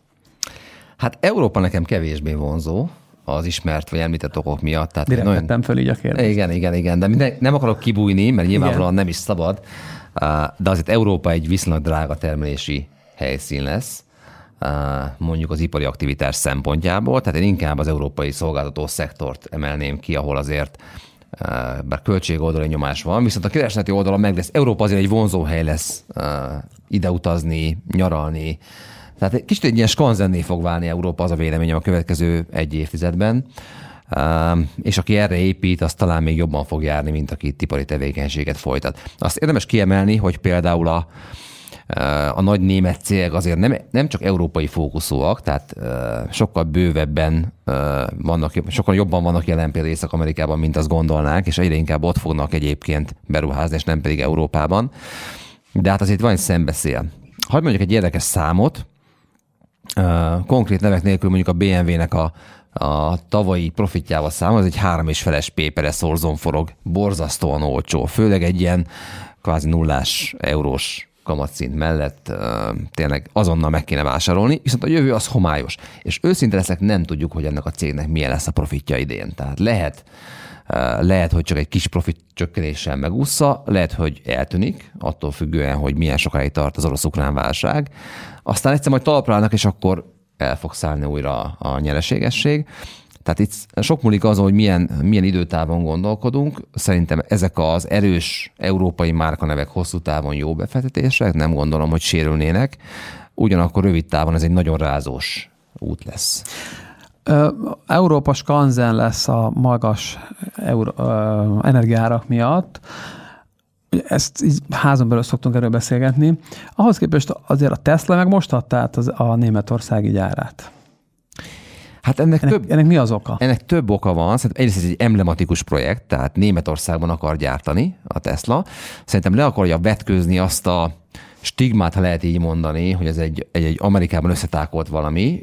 Az európai vevők lelkét így lehet meghódítani leginkább. Tehát van egy Tesla, ami egy nagyon divatos, nagyon menő termék, de hát láttuk a videókat, hogy ilyen, ilyen csálé volt a hegesztés, meg kiesett a, a napfénytető, leszakadt a lökhárító, tehát azt próbálja szerintem a Tesla ezzel sugalni, egyébként valószínűleg nem alaptalanul, hogy most már német minőséget állít elő amerikai 21. századi technológiával, és a kettő együtt egy, egy nagyon vonzó termék lehet a, például az, euró, az igényes európai vevőknek. Van még egy fontos szempont, a németek azért elég nacionalisták, tehát a, szeretik a saját termékeiket vásárolni. Nem volt például a Tesla-ben abban a körben, amit a német céges vásárlók vehettek, mint, mint céges autó, most már be fog kerülni, tehát megnyílik egy óriási piac. Tulajdonképpen ilyen. Mo- most, hogy elárultuk, hogy nem a Tesla támogatja az adást, szerintem azért azt is, azt is el lehet mondani, hogy van, van egy olyan érzés és befektetői szentiment hangulat szerintem most, hogy Amerika lehet a nyertese ennek a háborús helyzetnek, és Európa az energia miatt is, meg a földrajzi közelség miatt is a vesztese, és lehet, hogy sok befektető most egy ilyen ilyen egyszerű módon gondolkodik mindenféle bonyolult számítások nélkül, és ezért lehet, hogy egy szép nagy nulla súlyt kell az, az európai portfólió súly mellé tenni. Én inkább a szektorokra helyezném a hangsúlyt. Ugye egy nagyon faramuci és furcsa helyzet van. Ugye tényleg lehet nagyon jelentékeny lassulást válni, lehet várni energiaválságot, mint hogyha a piac logikája is, hogyha az éves csúcsokat nézzük, azt diktálná, hogy ugye kötvénybe fektetni szintén extra kockázatos a fejlett világban jelen pillanatban. Látszik is egy egészen elképesztő és óriási menekülés, ha mondjuk az amerikai tíz éves nézzük az elmúlt egy-másfél hónapban.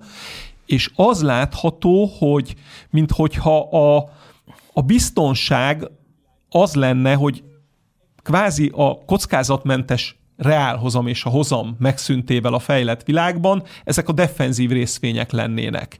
És ugye gyakorlatilag itt az élelmiszergyártó vállalatokban a tartós fogyasztási cikkek, tehát amik elkerülhetetlenek és olyan dolgok és jól pozícionált vállalatok vannak, vagy az ezeket áruló vállalatokban egy Walmart, egy Costco van éves csúcson mondjuk az amerikai piacokon, viszont amelyik szektor nagyon nagyot kezd menni most, az a gyógyszer és a biotechnológia, és ugye a demográfiai trendekkel, az előregedő társadalmakkal, a várható innovációkkal nézve, talán hiába nagyon-nagyon erősek sok más részvényhez jelen pillanatban, nagyon sok gyógyszer és biotechnológiai cég, talán lehet, hogy az elkövetkező 3-6-12 hónapnak még mindig ez lesz a nyertese az előttünk álló időszakban. Szerintem akkor fordul majd a, az ára növekedési részvények irányába, hogyha látszik az, hogy a Fed lendületek kifullad a kamatemelést tekintve, magyarul nem lehet tovább szigorítani, és akkor, akkor viszont jöhet egy újabb fordulat a, az egyébként magas árazási szorzójú papírok irányába. Én, én még a portfólió összeállításhoz azt a szempontot hoznám be, hogy most minden azért az inflációról szól, és bármilyen szektorban érvényes lehet az, hogyha olyan cégeket találunk, akiknek olyan a termékük, a piaci pozíciójuk, és látjuk, hogy a múltban is működött már az, hogy infláció fölött tudnak árazni, bátran tudnak és képesek árat emelni, azok, azok a cégek bármilyen szektorban nyerők lehetnek, azt gondolom. Hát igen, meg kell nézni, hogy egy Apple tudja emelni az árait úgy a költségnövekedésre reagálva, hogy a fogyasztói kereslet nem sérül. Ha igen, akkor az egy remek és erős biznisz. Egyébként úgy tűnik, hogy igen. A következő negyedéves jelentésekben majd látjuk ennek a, a, eredményét, hogy ki az, aki margin szűkülés nélkül tudja átvészelni az időszakot, mert hogy a költségoldal nyomás óriási, azt ki lehet jelenteni szinte mindenki számára. Tehát ki az, aki ezt át tudja hárítani, és ki az, aki pedig nem. Egy a biztos, hogy ez a gyors jelentési időszak most április második felében, illetve a nyári az, az, az már eleve az elmúlt egy-kettő-három gyors jelentési időszakban egészen elképesztő mozgások voltak egy gyors jelentésre fel is le is. Plusz 15, plusz 20, plusz 25, plusz 30, illetve mínuszosban hasonló százalékos mozgások azonnal. Ezt én most is várom, tehát nagyon-nagyon ideges piac lesz, és azonnal fognak reagálni. Pontosan, amit a Sanyi említett, hogy van-e árazási képessége a vállalatnak, vagy nincs árazási képessége a vállalatnak, ez fogja figyelni mindenki. Ja, azt kell látni, hogy egy nagyon egyszerű példával, a gazdaságnak van egy normál pénzigénye. A lakosság meg a vállalatok szempontjából is, és tulajdonképpen a tőkepiacokra az jut, ami ezen felül az úgynevezett ilyen játékpénz. Ez a játékpénz azért most kevesebb lesz. Van egy infláció, nagyobb a normál pénzigény, kevesebb pénz jut arra, hogy feltegyük a kis csúsztatásra egy, ebben a kaszinóban. Tehát nagyon fontos lesz az, hogy ki milyen számokat tud produkálni, mert hogy az összjátékpénz, az össz befektetni való pénz az kevesebb lesz. Úgyhogy el fog válni az a bizonyos termék a víztől. Közben jött egy kérdés, amit nagyon szépen össze is tudok kötni a kedvenc adásommal, a jelenleg kedvenc adásommal, a cancel culture-rel, és az így szól, hogy az orosz jegybanki tartalékok befagyasztásának milyen hatása lesz, például más országok is inkább aranytartalékot képeznek, esetleg csökkentik a dollártartalékot. Illetve még ugyan ugyan ezen hallgatónk, eh, nézőnktől látjátok veszélyét, hogy a deglobalizáció, hidegháború vagy éppen a költségvetési hiányok miatt változhatnak a tőkepiaci szabályozáson, tőke, eh, tőkekorlátozások, új befektetéshez kapcsolódó adók, stb. jöhetnek el.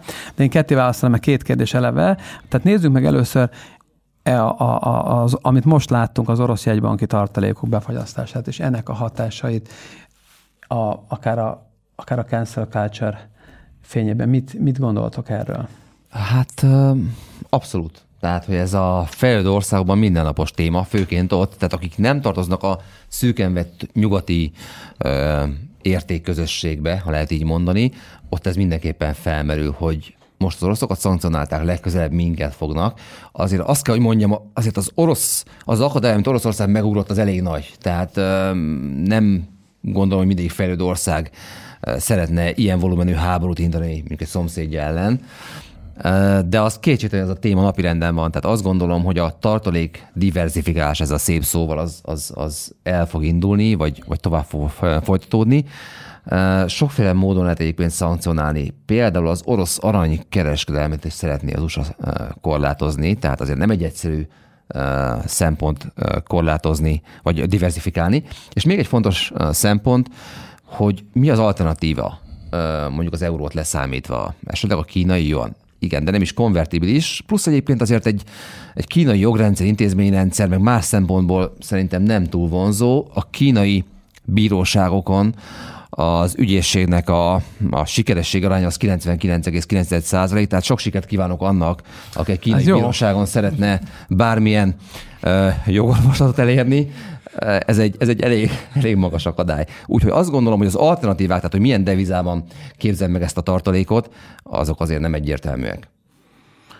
Igen, és azért ez, ez egy elég felemás történet, ez, a, ez az orosz devizatartalék történet, mert uh, ugye azért Oroszország láthatóan készült erre, ami most bekövetkezett. 16% környékére lecsökkentette a dollár arányát a devizatartalékban de valószínűleg még kevesebbre. Ez az az adat, amit nagyjából tavaly nyárról a legutolsó megbízható adat.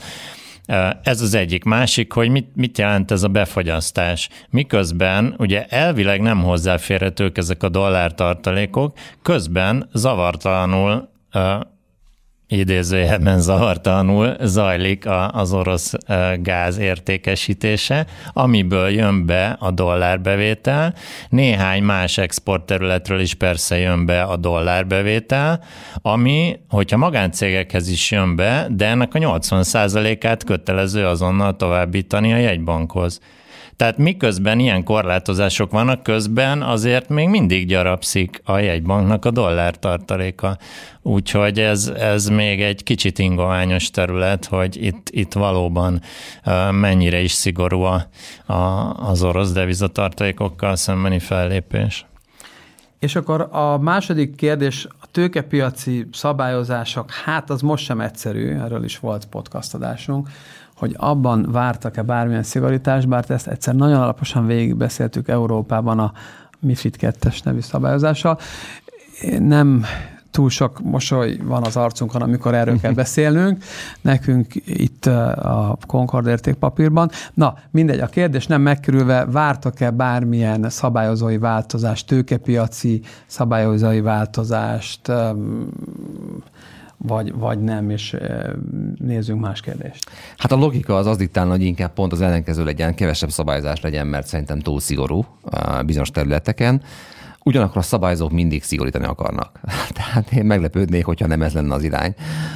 Ezzel együtt szerintem ez a háború talán egy dolgban lehet, vagy hozhat szigorítást, még inkább fel kell fedni azt, hogy kik a mondjuk a tényleges tulajdonosai egy bizonyos vagyonnak, hiszen azért így látszik, hogy nagyon sokan próbálnak elbújni különböző struktúrák mögé, és nehéz megtalálni például a szankcionálandó orosz oligarchákat, azok vagyonát. Összességében szerintem nem ez most a, a hatóságok fő problémája, tehát ennél sokkal nagyobb kérdésekkel kell foglalkozniuk jelen pillanatban. Jó, visszaugrok időben, jött egy nagyon-nagyon jó kérdés. Láttok bármilyen jelzáloghitel piaci problémát a kamatemelés, szigorítás, ingatlan piaci lassulás fényében? Lehet számítani fizetés képtelenségre.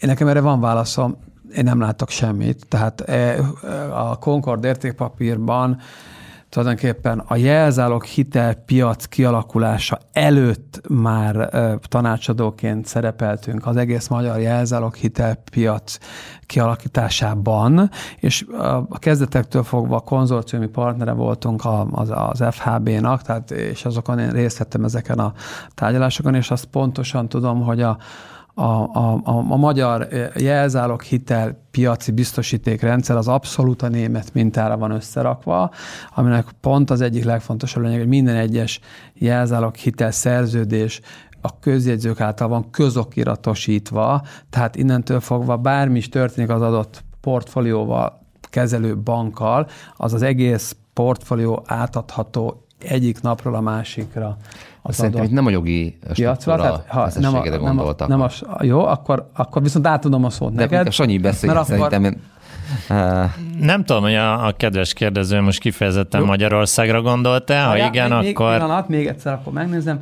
Láttok bár, igen, lehet, hogy akkor én se jó irányba vittem el a választ. Láttok-e bármilyen jelzáloghitel piaci problémát? Igen, igazad van, Tomi, nem jó irányba vittem el a választ. Kamatemelés, szigorítás, ingatlan piaci lassulás fényében.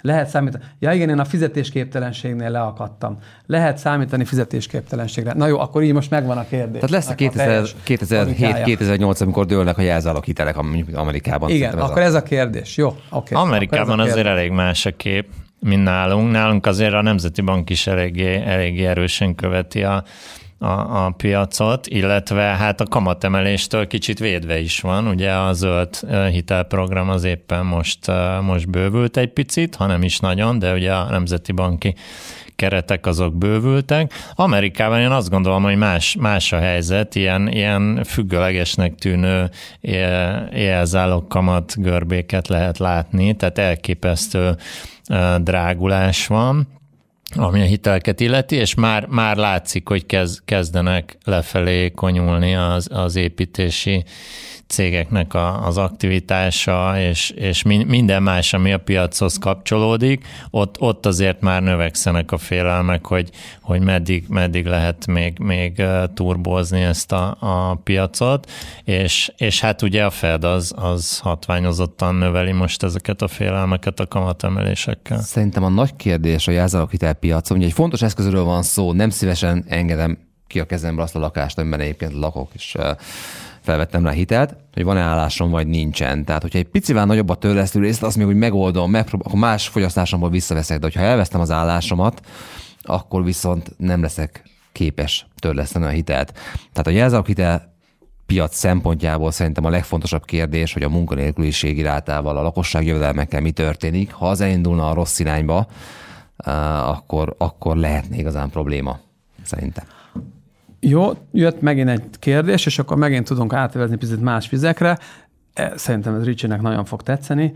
Milyen kereskedési pszichológiát vártok az év hátralévő részére? Gondoljátok, hogy a kisbefektetők egy részének kiesésével a fundamentumok fogják az árakat jobban meghatározni, mint a trendek?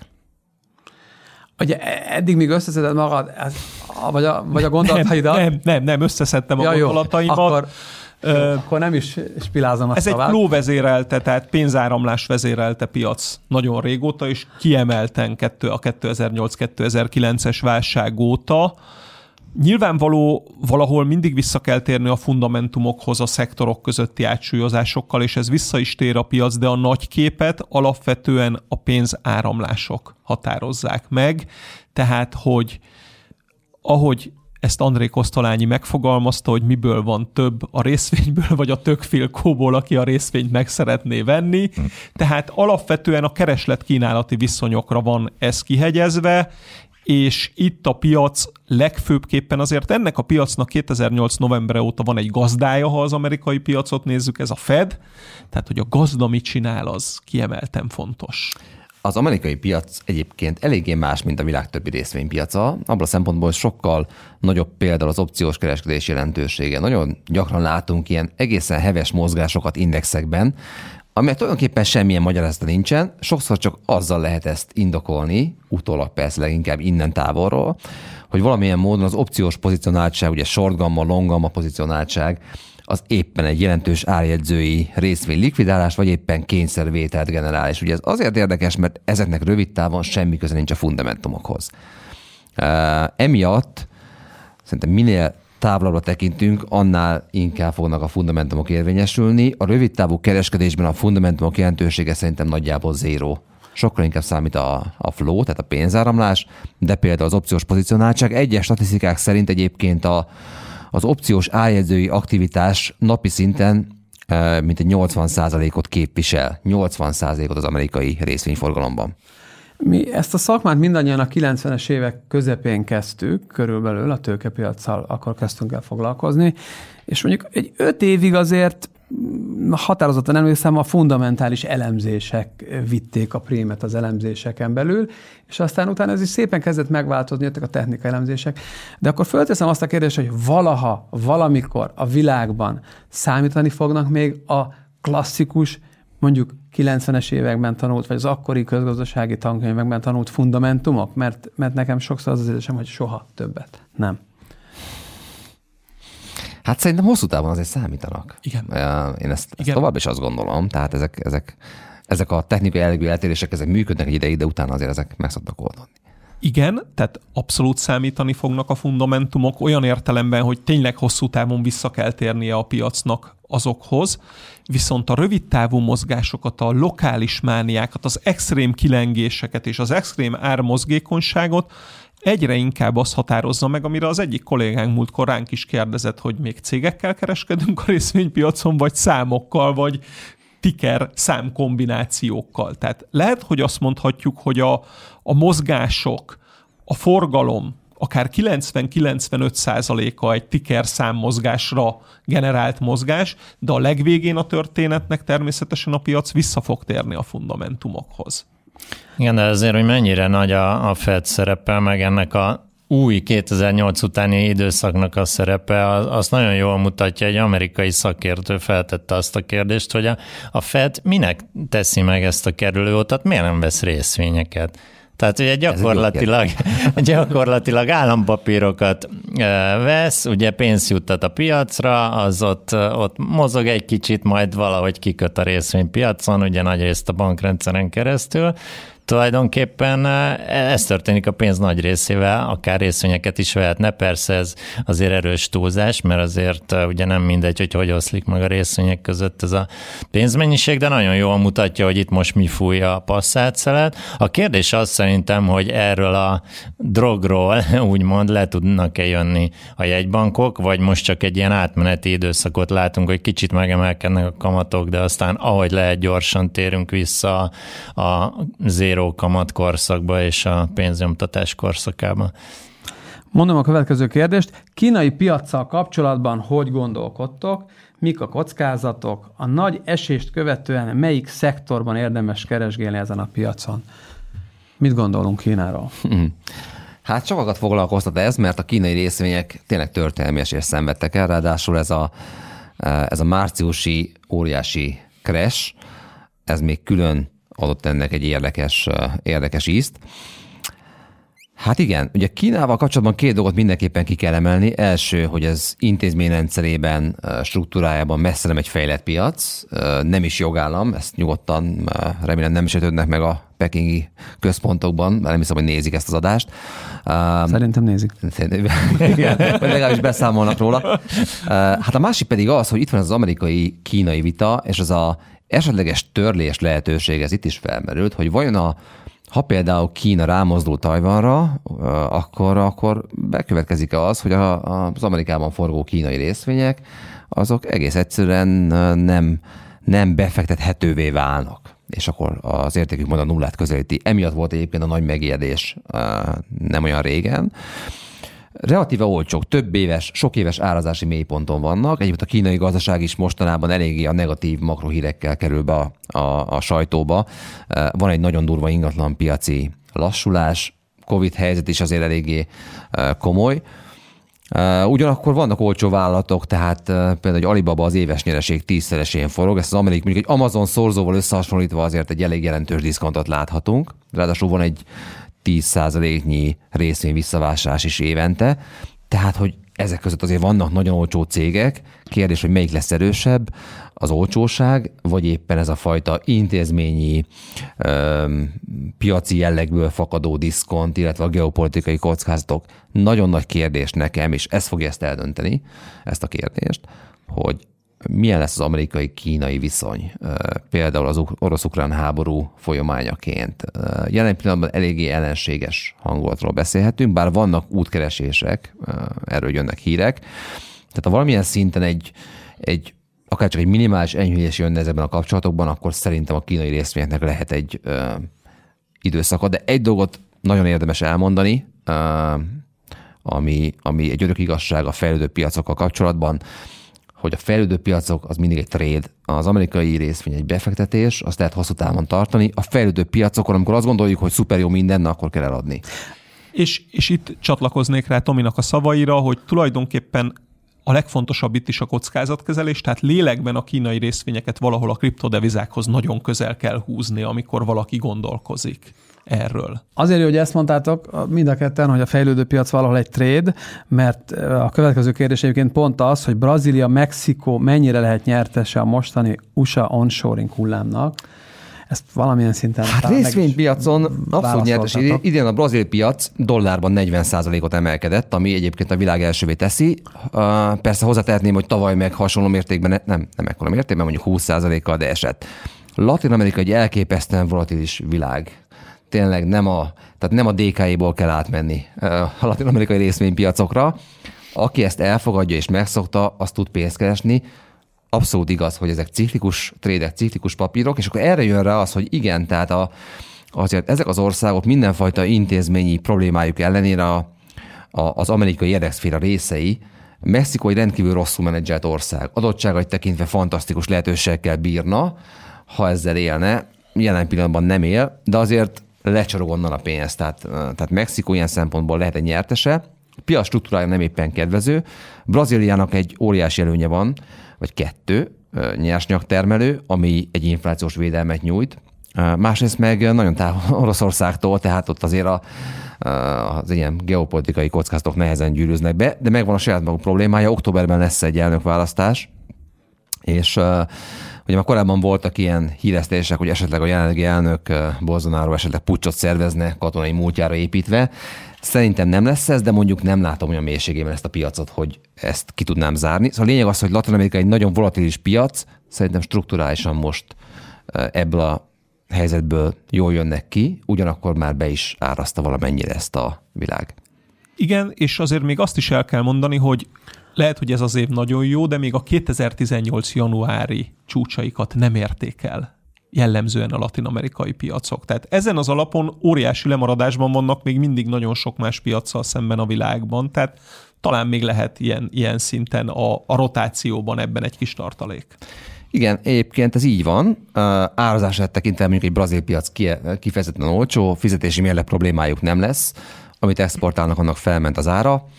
Hát kérdés, hogy az intézményi kérdések azok, azok, azok mennyire merülnek fel az elnökválasztás előtt.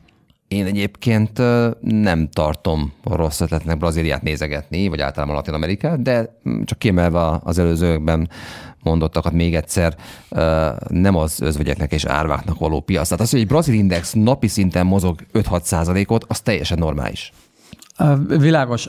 Azt ígértem, vagy Bocsánat, Sanyi, van még valami ezzel kapcsolatban? Vagy? Csak arra gondoltam, hogy az, ha már az előbb megállapítottuk, hogy néha azért a fundamentumok is számítanak, hogy, hogy most például inflációval nem állnak rosszul ezek a gazdaságok, vagy a többségük, viszont újra és újra felbukkan az adósság probléma, ami látszólag egyes a makro probléma, de azért visszaüt a, a privát gazdaságra is illetve még Kínára visszakanyarodva ott a fundamentumok viszont olyan szempontból érdekesek, hogy zajlik most már egy pár éve egy olyan folyamat, hogy a, a gazdaság irányítás próbálja picit leterelni Kínát erről a, a nagyon erősen exportorientált pályáról, és inkább erősíteni a, a belső keresletet. Tehát amikor esetleg valaki a különböző szektorok között válogat részvényekben, akkor ez egy érdekes szempont lehet. Jó, azt ígértem a különböző itt-ott felrakott beharangozóban a mai adással kapcsolatban, hogy minden kérdésre válaszolni fogunk, és én közben viszonylag az elején kaptam egy személyes jellegű kérdést, amit egyébként meg fogok válaszolni, de nem azért, mert a, a személyeskedést akarunk ebbe belevinni, mert az fontos, hogy azt megbeszéltük még több mint egy évvel ezelőtt, hogy ez a podcast nem arról fog szólni, hogy mi személyesen mit élünk meg, hanem inkább arról, hogy mit gondolunk a világról. Viszont ezt a kérdést most föl fogom tenni, mert utána át fogom vezetni azt, hogy ez mit, mit vetett föl bennem. A kérdés az úgy, úgy hangzott, hogy hogy éreztem magam Miami-ban. Miami-ban jól éreztem magam a múlt héten. De amiről több kollégának, talán nektek is meséltem, ami egészen elképesztő megélésem volt a múlt héten Miami-ban, ahol azért legutoljára három éve voltunk, tehát van összehasonlítás alapom, hogy mi történt akkor, vagy hogy, hogy, hogy volt, milyen volt akkor turistának lenni, meg most. Az az a megélésem volt, hogy a szolgáltatói szektor elképesztő szinten kezd lerohadni.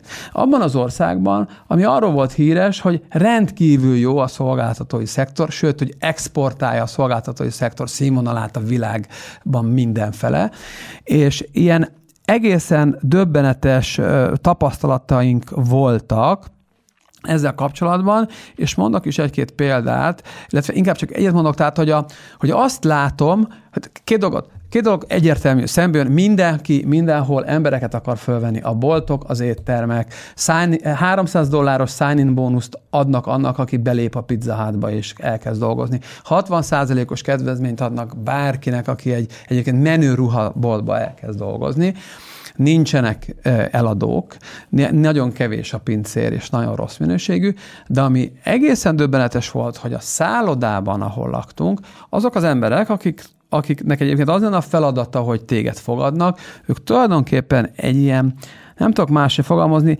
egy humanoid interfészként funkcionálnak már csupán. Ez, ez abban nyilvánul meg, hogy egyetlen egy dolgot tudnak csinálni, hogy elveszik a kreditkártyádat, lehúzzák, azt is elrontják, visszaadják, és utána félrenéznek és nyomkodják a telefonjukat. Bármilyen kérdéssel, ahhoz a személyzethez, amit egyébként 20-30 éven keresztül, vagy 100 éven keresztül megszoktál, hogy fordulhatsz Igen, hozzá bármilyen problémáddal, egyetlen egy mondata volt, hogy az oda minket beközvetítő ügynökségnek a telefonszámát, ami a New Jersey központban volt, azt hívjam föl, és azokkal kellett kommunikálnom, hogyha bármilyen problémám volt, ez esetben az, hogy mondjuk többet fizettek le a kártyáról.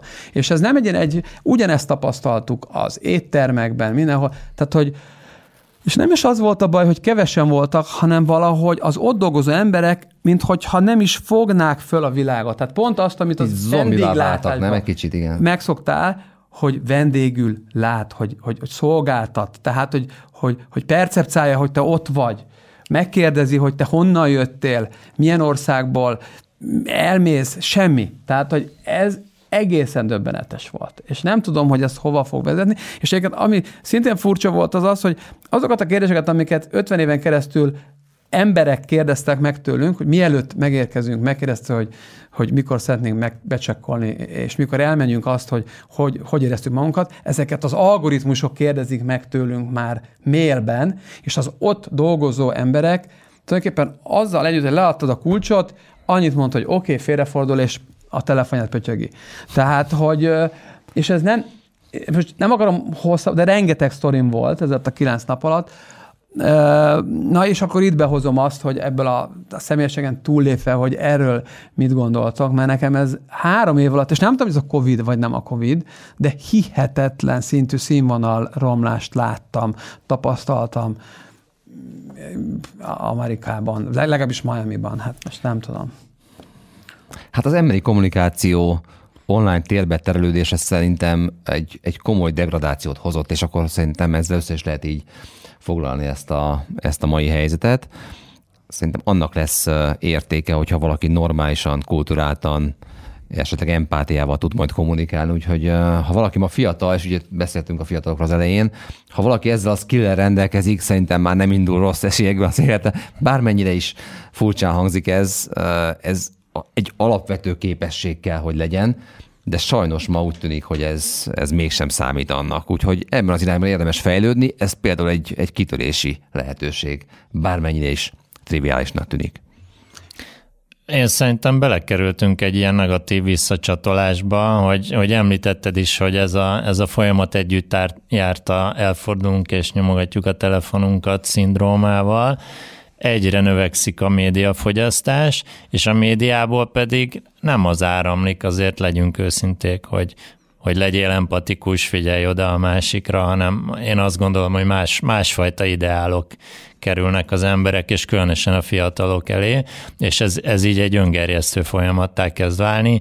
Egyre többet fogyasztunk a médiában az egyre rosszabb példákból, ami egyre több médiafogyasztást generál, és így tovább, és így tovább. Azért azt gondolom, hogy a Covid is benne lehet ebben, mert pont ugye a turizmust, a vendéglátást nagyon megütötte az egész világon, és, és szerintem ezt még mindig nem, nem heverték ki. Magyarországra is egyébként pont most így összekötve az EU-s pénzekkel egy egy más csatornán keresztül most, most érkezik még, még turizmus támogatási pénz, talán jó lett volna, ha ez egy picit előbb jön. Én biztos vagyok benne, hogy ez, ez nagyon megviselte a turizmusban dolgozókat mindenféle ágazatban, de azzal is egyetértek, hogy itt azért, azért egy nagyobb és mélyebb trend is látszik. Én azt gondolom, hogy, hogy nagyon sok stressz jön, és nagyon sok feldolgozni való van, ami, ami aztán egy ilyen, ilyen hatást és egy ilyen, ilyen magatartást erősíthet nagyon sok emberben. Ez, ez nem mindig, mindig annak a hibája feltétlenül, aki, aki aztán ilyen, ilyen vendéglátó lesz, vagy ilyen kevéssé empatikus lesz. A, a Fintwitten, tehát a, a Twitter Financial szekciójában lehet így mondani, uh, nagyon sokan működnek, próbálnak ebből pénzt csinálni, és egyre agresszívabban, profánabbul fogalmaznak, és az egyiket megkérdezték, hogy ez miért van, és egészen egyszerűen válaszolt, azt mondta, hogy egyébként senki nem benne észre. Tehát ha nem vagy bunkó, akkor nem vagy agresszív, nem vagy, nem vagy e, másokat bántó szinte, akkor, akkor nem tűnsz ki a tömegből ez a figyelemért zajló világháború, ami, ami, ami zajlik nagyon régóta, és, és egyre fokozódik, és gyakorlatilag én, én azt tudom mondani, nagyon-nagyon és maximálisan megerősítve Tomi szavait, én a jelenlegi fiataloknak maximálisan azt ajánlom, hogy ha tudnak, akkor ember-ember kapcsolat jellegű munkát vállaljanak az elkövetkező 10-20-30 évre. Ugye egyik adásunkban megfogalmaztuk a Wayne apukájának a nagy igazságát, hogy arra korcsolyáz, amerre a korongot ütik, és itt óriási igény lesz erre, tehát gyakorlatilag az emberiség egy része is egyre erősebben süllyed el a digitális világba, és a metaverzum ezen még csak rontani fog, vagy emelni fog egy szintet, és az mondható el, hogy, hogy már tulajdonképpen a benyomásainak a nagy része egy kis képernyőről származik, vagy majd a jövőben ugye a VR szemüveg mögül fog érkezni, és éppen emiatt egyre kevésbé érzi komfortosan magát a valódi világban. Tehát emiatt én azt gondolom, hogy egyének szintjén, családi szinten a digitális detoxikálás az egyik legfontosabb feladatunk az életben, és hogyha gyermekeket nevelünk, tulajdonképpen a világ sok veszélye közül, amiből, amiktől próbáljuk megol, megóvni a gyermekeinket, szerintem a kiemelkedően talán már az első számú fontos veszély az a túlzott digitalizáció. Tehát, hogy legyünk jelen a valódi világban. Figyelj, Ricsi, nagyon érdekes, mert ez pont eszembe jutott. Ugye beszéltünk itt arról, hogy milyen összegeket fizetnek, főleg nyugati part és keleti parton gazdag szülők a screen time coachoknak, akik leszoktatják a gyerekeiket, vagy legalábbis kordába tartják a, a, a, a screen time fogyasztást. Viszont én azt láttam, hogy ez bizonyos szempontból e, ennek tehát elemileg nem érdeke ez az embereknek, hogy, a, hogy ez bekövetkezzen, ugyanis két megélésem volt, és azt is elmondom, Ö, volt egy nagy áruház, ahol 18 pénztárból kettő működött, ezért több mint egy órás sor alakult ki. Na most egy olyan 30 perc után elkezdtem nézegetni, hogy ez csak engem idegesít marhára, mert én a szocializmusban fölnőtt kisgyerekként zsigerből gyűlölöm a sorban állást. Igen, az egy órás sor az... Körülnéztem, az és azt láttam, hogy rajtam kívül senkit nem érdekel, mert mindenki a telefonját ö, pötyögteti. Mondjuk így. Ez volt az egyik. Tehát láttam, hogy ez teljesen jól ebben, ezzel el vannak az emberek, mert egyébként amúgy se csinálnának mást, és mondom a következőt. Aztán volt egy olyan, amikor egy hosszú sorát alakult ki az autóbélesnél, mert a, a, a fickó nem volt hajlandó negyed órával tovább dolgozni, amit, mint ami a munkaideje volt, ezért 120 embert nem engedtek ki az autóbérlőtől. És akkor is negyed óra után én mentem oda egyedül megkérdezni, hogy mi történik, mert engem marhára idegesített. És akkor is azt láttam, hogy egyébként a 120 autósból 119-et nem zavar, mert egyébként szintén a telefonjával remekül el volt, hiszen amúgy se csinálna más, és tényleg nem csinál más, mert amikor meg a partra kimentünk, és azt láttuk, hogy a gyönyörű, homokos tengerpartra egyébként megérkeznek Ohio-ból, Wyomingból, Wisconsinból egy-két nap autózás után a családok, és lefekszenek a kristály tiszta tengerpartra, 25 fokos tengerpartra homokba, akkor tulajdonképpen két másodperc után két szelfivel igazából a tengertől lehetőleg elfordítva ismét a telefonjaikat ö, ö, kezdik el Hát akkor Apple, Alphabet, stb. Long. és, és, és tényleg az volt az érzésünk, így családilag, hogyha mellette feküdne, fél órán keresztül ott napozna a jodamester, még azt se venni észre, mert annyival fontosabb neki a telefonja. Max egy selfie hogyha oda csoportosulna egy kisebb tömeg. Igen, és akkor a TikTokra fel lehet tölteni. Egyébként érdekes, mert ez, ez tényleg egy olyan feladat, amiért tennünk kell. Nálam múltkor járt egy kis csoport bent a Concordban fiatal diákok, és megmondtam, hogy telefonmentes policy lesz az előadáson, mindenkinek repülőüzemmódra kellett tenni a telefonját, és ki kellett tenni a falra, és láttam, hogy az első pillanatban így néztek rám, hogy mit akar ez a kőkorszaki öregember, és a egy és negyed óra végén pedig többen jöttek oda, hogy nagyon szépen köszönik. Jól esett a teljes figyelemmel részt venni a, azon az előadáson és beszélgetésen, ami így, így történt meg.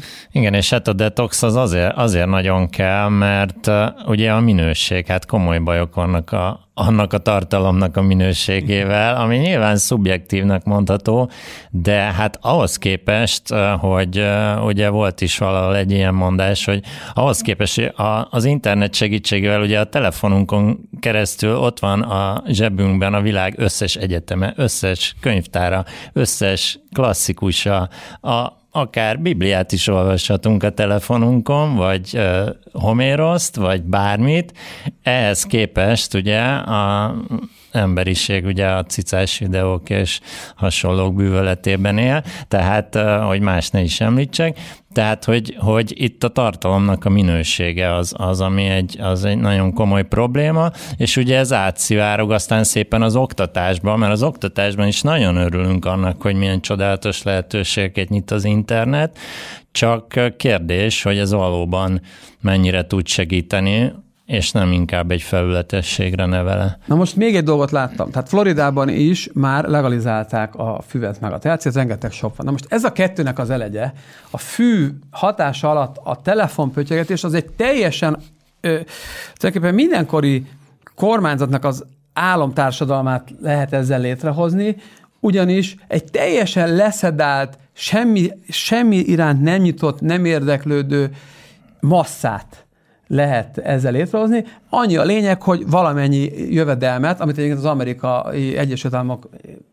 fantasztikusan meg is csinált, oda kell adni ezeknek az embereknek, akik egy kis fűvel pötyöghetik egész nap a telefonjukat. És én tényleg ezt tapasztaltam, hogy most ez zajlik Amerikában. Cserében értelmes kommunikációt, mondjuk akár egy boltban, kizárólag 40 év fölötti emberekkel tudtunk folytatni, akit mondjuk megkérdezte, hogy jé, van egy kis aktantusunk, honnan jöttünk, mondjuk például. Igen, ez általános volt mondjuk 5-10 év Amerikában, hogy így fordultak hozzád.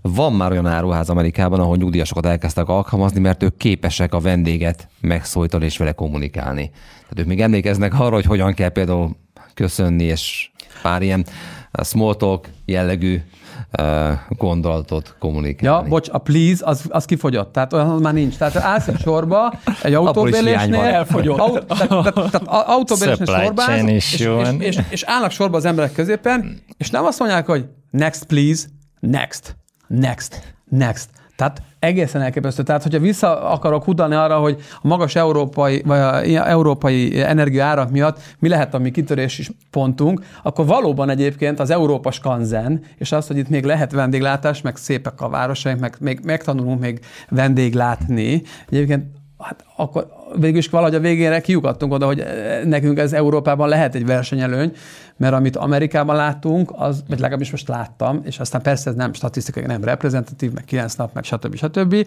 Úgyhogy majd nyilván várom majd, hogy mi lesz. De hogy ez, ez, ez számomra egészen döbbenet. Ez egy nagyon komoly morális kérdés, én azt gondolom, de ugyanakkor van egy nagyon komoly tőkepiaci háttere. Ho, hova allokálódik a tőke, ilyen csúnyán mondjam. Ugye a Covid-ban mindenki nagyon megörült, hogy nem tudom én hány évnek a digitális fejlődését pörgettük meg most egy-két év alatt, és hogy milyen szuperül megnőtt uh, rengeteg vállalatnak a hatékonysága, és hát ugye ide, ide megy a tőke, hogy ahogy mondtad, humanoid interfészek legyenek, tehát ugye Japánban már általános, ugye, hogy a kis guruló robotok üdvözölnek egy, egy plázában, de már Magyarországon is azt hiszem van ilyen, Tehát, hogy erre, erre felé megy, a, erre felé hajtja a, a tőkét a, a fejlődés, mert ebben látható a profit, és nem, nem abban, hogy, hogy még többért fizessenek olyan embereknek, akik aztán esetleg még udvariasan is szolgálnak ki. Szóval ez az egész egyébként, a, amire ott kiuk, most kiukadtunk, az megerősíti bennem azt a, azt a hitemet, amit régóta gondolok, és aminek a hit mentén egyébként magát a három-négy évvel ezelőtt a blogot is elkezdtük csinálni a cégemből, és aztán egy éve a podcastot is elkezdtük csinálni, és ennek a hitemnek pedig az a legfontosabb pillére, és a, a, az egész Concordban az egész hitemet erre építem, hogy az lesz valóban az igazi érték, amit korábban e, soft skilleknek, most inkább nehezen szisztematizálható skilleknek hívnak, meg hívunk a világban, amikor élő, érző, a világot felfogó emberekkel tudsz beszélgetni, akár a befektetéseidről, akár a pénzügyeidről, hogyha mondjuk a szűk szakmánknál maradunk, vagy pedig úgy egyébként vendégekkel, vagy csak saját magunkkal tudunk megbeszélni, vagy meg is megpróbálni értelmesen megbeszélni gondolatokat. Mert azt látom, hogy, hogy, hogy, hogy nagyon, nagyon hamarosan, vagy, vagy hát már most is így van, igazából ezért, ha, ezért fognak az emberek pénzt fizetni. Tehát, hogy ne robotok, ne chatbotokkal kommunikálj, eh, hanem, hanem valahol megérezd a, a, a minden mögött a beszélgetésbe a, az, az embert. És most ez biztosan megerősített bennem, megerősítette bennem azt, hogy, hogy, hogy ezt az egészet ezt még jobban fogjuk továbbvinni, és még inkább kettőzött erővel fogjuk nyomni, mert annyira felhúztam magam azon, amit Amerikában humanoid interfészekként láttam. Ez a biorobotizáció. Úgyhogy... Hát bízunk benne, hogy a, a valódi emberi élet és valódi emberi interakciók iránti kereslet az a kínálatot is létrehoz. Látunk még ebben bika piacot az életben és Így akkor van. közben, bár igazándiból ez egy jó végszó is lehetne, de azt ígértük, hogy, hogy amennyi kérdésre csak lehet, vagy tudunk, arra próbálunk válaszolni, és most gyorsan még végig is futjuk, hogy miket kaptunk. Nézzük azt, hogy igen, melyiket nézzük. Elképzelhető szerintetek, hogy a kormány az egyik mert lakosság adó, ebben picit segíts Tomi, itt most egy picit rögtönzök, mert annyira belerendültem ebbe a, a, a saját gondolatbuborékomba, hogy nem tudtam követni a csetet. Vállalati szektoradók jönnek erre, gondolsz? Igen, igen, igen, igen, akkor nézzük Hát meg biztos, hogy jönnek. Van 12 percünk. Csak hogy így zökkenjünk vissza a valóságba, vagy a, a, a, itt a hazai helyzethez. Biztos, hogy jönnek. Egyébként ez nem csak most lett beígérve, hanem már korábban is jelezték ezt. Az, hogy kinek és milyen mértékben, ezt szerintem most különböző háttéralkuk döntik majd el. Én abban biztos vagyok, hogy a költségvetés jelenlegi állapotában szükség lesz valamilyen forrás bevonásra a vállalati szektortól, úgy, hogy ez nem egy általános adóemelés lesz, hanem bizonyos extra profittal rendelkező szektoroknak a hozzájárulása ahhoz, hogy a költségvetés egyensúlyba kerüljön. Igen, ilyen speciális különadók, ezekre szinte százszerzelékos valószínűséggel számíthatunk, ami szerintem egy jó hír lehet a költségvetésnek a, az átalakításában, hogy úgy tűnik, hogy azért a kiadási oldal lefaragása az nagyobb súlyt fog uh, kapni.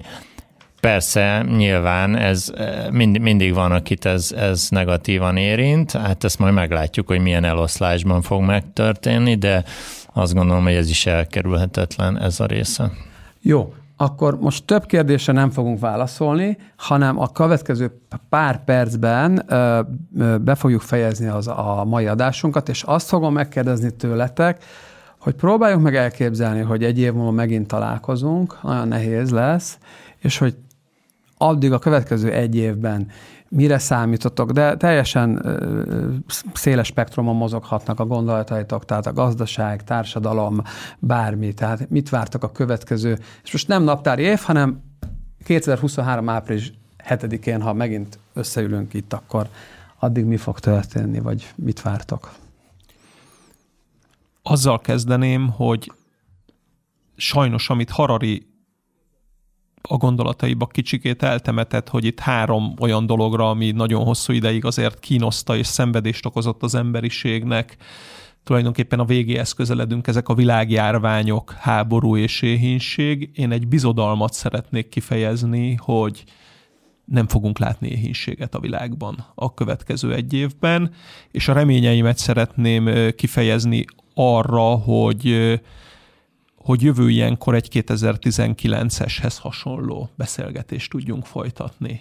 Ehhez reményeim vannak, és, és nagyon-nagyon szeretném, hogy ha már nem egy ilyen világjárványban, még azért valamennyire benne lévő, háborúban teljesen benne lévő világot látnánk, hanem, hanem, hanem valamivel több mosolyt, boldogságot és egyebet tapasztalhatnánk, és tudnánk foglalkozni olyan dolgokkal, amikkel most nem tudunk foglalkozni. Tehát egy kicsikét a, a, a Maslow'i piramisból a, a, a, a biztonságérzetből és a félelem helyett egy kicsit az önmegvalósítás fele és abba az irányban lévő dolgokról tudnánk beszélni. Tehát én egy reményemet fejezném ki ezzel kapcsolatban. Igen, hát a remény az nagyon fontos, és azt gondolom, hogy különösen azért, mert, mert azt érzékelhetjük szinte minden nap, hogy, hogy rajtunk kívülálló dolgok, és néha megfoghatatlannak tűnő dolgok azok, amik, amik befolyásolják az életünket. És, és nagyon fontos tényleg az, hogy, hogy bízni tudjunk abban, hogy, hogy ezek jobban fognak alakulni. Ha most így azért leszűkítve a gazdaságról is beszélnék, akkor, akkor azért azt mondanám, hogy, hogy nagyon sok kockázat lesz még előttünk egy év múlva is, és azok a kérdések, amikről beszéltünk, már valószínűleg nagyon más helyzetben lesznek, de még mindig témák lesznek, az energiakérdés, és, és az, hogy az infláció hogyan alakul, és és az, hogy akár a gazdasági növekedés hogyan, nem csak, hogy hogyan alakul, hanem kinek mi jut majd ezekből, és, és azt gondolom, hogy nagyon, nagyon fontos, hogyha már ez a, a társadalmi és egyéni kérdések is bejöttek a beszélgetésünkbe. Szerintem nagyon, nagyon fontos az, hogy, hogy egyéni szinten azért, azért túllássunk ezeken a, a nagy folyamatokon, és, és meg tudjuk erősíteni saját magunkban, hogy, hogy mik, mik az igazán fontos értékek. Itt előkerült az, hogy, hogy nagyon egyszerű dolgok az, hogy, hogy hogyan fogadnak bennünket valahol, és, és hogyan köszönnek ránk, vagy nem köszönnek olyan alapvető emberi értékek sikkadnak el ezekben a nagy folyamatokban, azt gondolom, ami, ami egyszerűen megengedhetetlen, de a mi, a mi saját kis mikroszféránkban ezeket a fontos dolgokat azt gondolom, hogy most is fel tudjuk erősíteni, és ezt egy év múlva is meg fogjuk tudni tenni. Sok minden fog történni a következő egy évben, akár orosz-ukrán háborúra gondolok, akár amerikai, meg egyéb monetáris politikára, akár az egyéb globális válság problémákra, ezek mind-mind óriási kihívásokat jelentenek. Amit én szeretnék kiemelni, hogy és ez egy nagyon közhelyes dolognak tűnik, de néha elfelejtjük, hogy azért a gazdaság és a társadalom öngyógyító képessége rendkívüli. Tehát számtalan konfliktus láthattunk, ahol, ahol úgy tűnt, hogy na itt a világ vége, és, és borzasztó lesz akár hosszú évekre, évtizedekre az, ami előttünk van, és aztán ez megfordult, és elindult egy javulás. Ezt az öngyógyító képességet én kiemelném, tehát hogy ne csüggedjen a hitünk abban, hogy egyszer lehet jobb, még akkor is, hogyha egyébként valami éppen rossz irányba haladónak tűnik, és nem akarom elbagatelizálni az előttünk álló problémákat, csak ez a fajta optimizmus szerintem kell ahhoz, hogy át tudjunk lendülni az előttünk álló egy éven. Srácok, nagyon szépen köszönöm. Én igazából tulajdonképpen már legelőször elmondtam, hogy én mit gondolok, úgyhogy magamat nem fogom megismételni. Úgyhogy igazándiból meg szeretném köszönni nektek, önöknek, akik néztek, néztetek bennünket. Külön köszönöm, és köszönjük, hogy nagyon sok és nagyon jó kérdést tettetek föl, és igazából ez volt a reményünk is, hogy bár van a fejünkben téma bőségesen, de hogy az egész adást a ti kérdéseik, az önök kérdéseik által, alapján tudjuk szépen vinni előre, úgyhogy ezt nagyon szépen köszönjük. Több dolgot ígérhetünk. Ezek közül az egyik az, hogy biztos, hogy fogjuk folytatni a tőkepiaca való foglalatoskodást, úgy, mint Concord, fogjuk folytatni a Concord blogot, fogjuk folytatni a Concord podcastot. Egy csomó új ötlet van még a fejünkben, és továbbra is várunk mindenkit a különböző ismert felületeken. Remélem hasznos dolgokat hallottatok, hallottak. Köszönöm önöknek, nektek is, illetve srácok, viszlát, jó estét, szevasztok, hely! Köszönjük, Köszönjük szépen, szépen, aki nézett minket.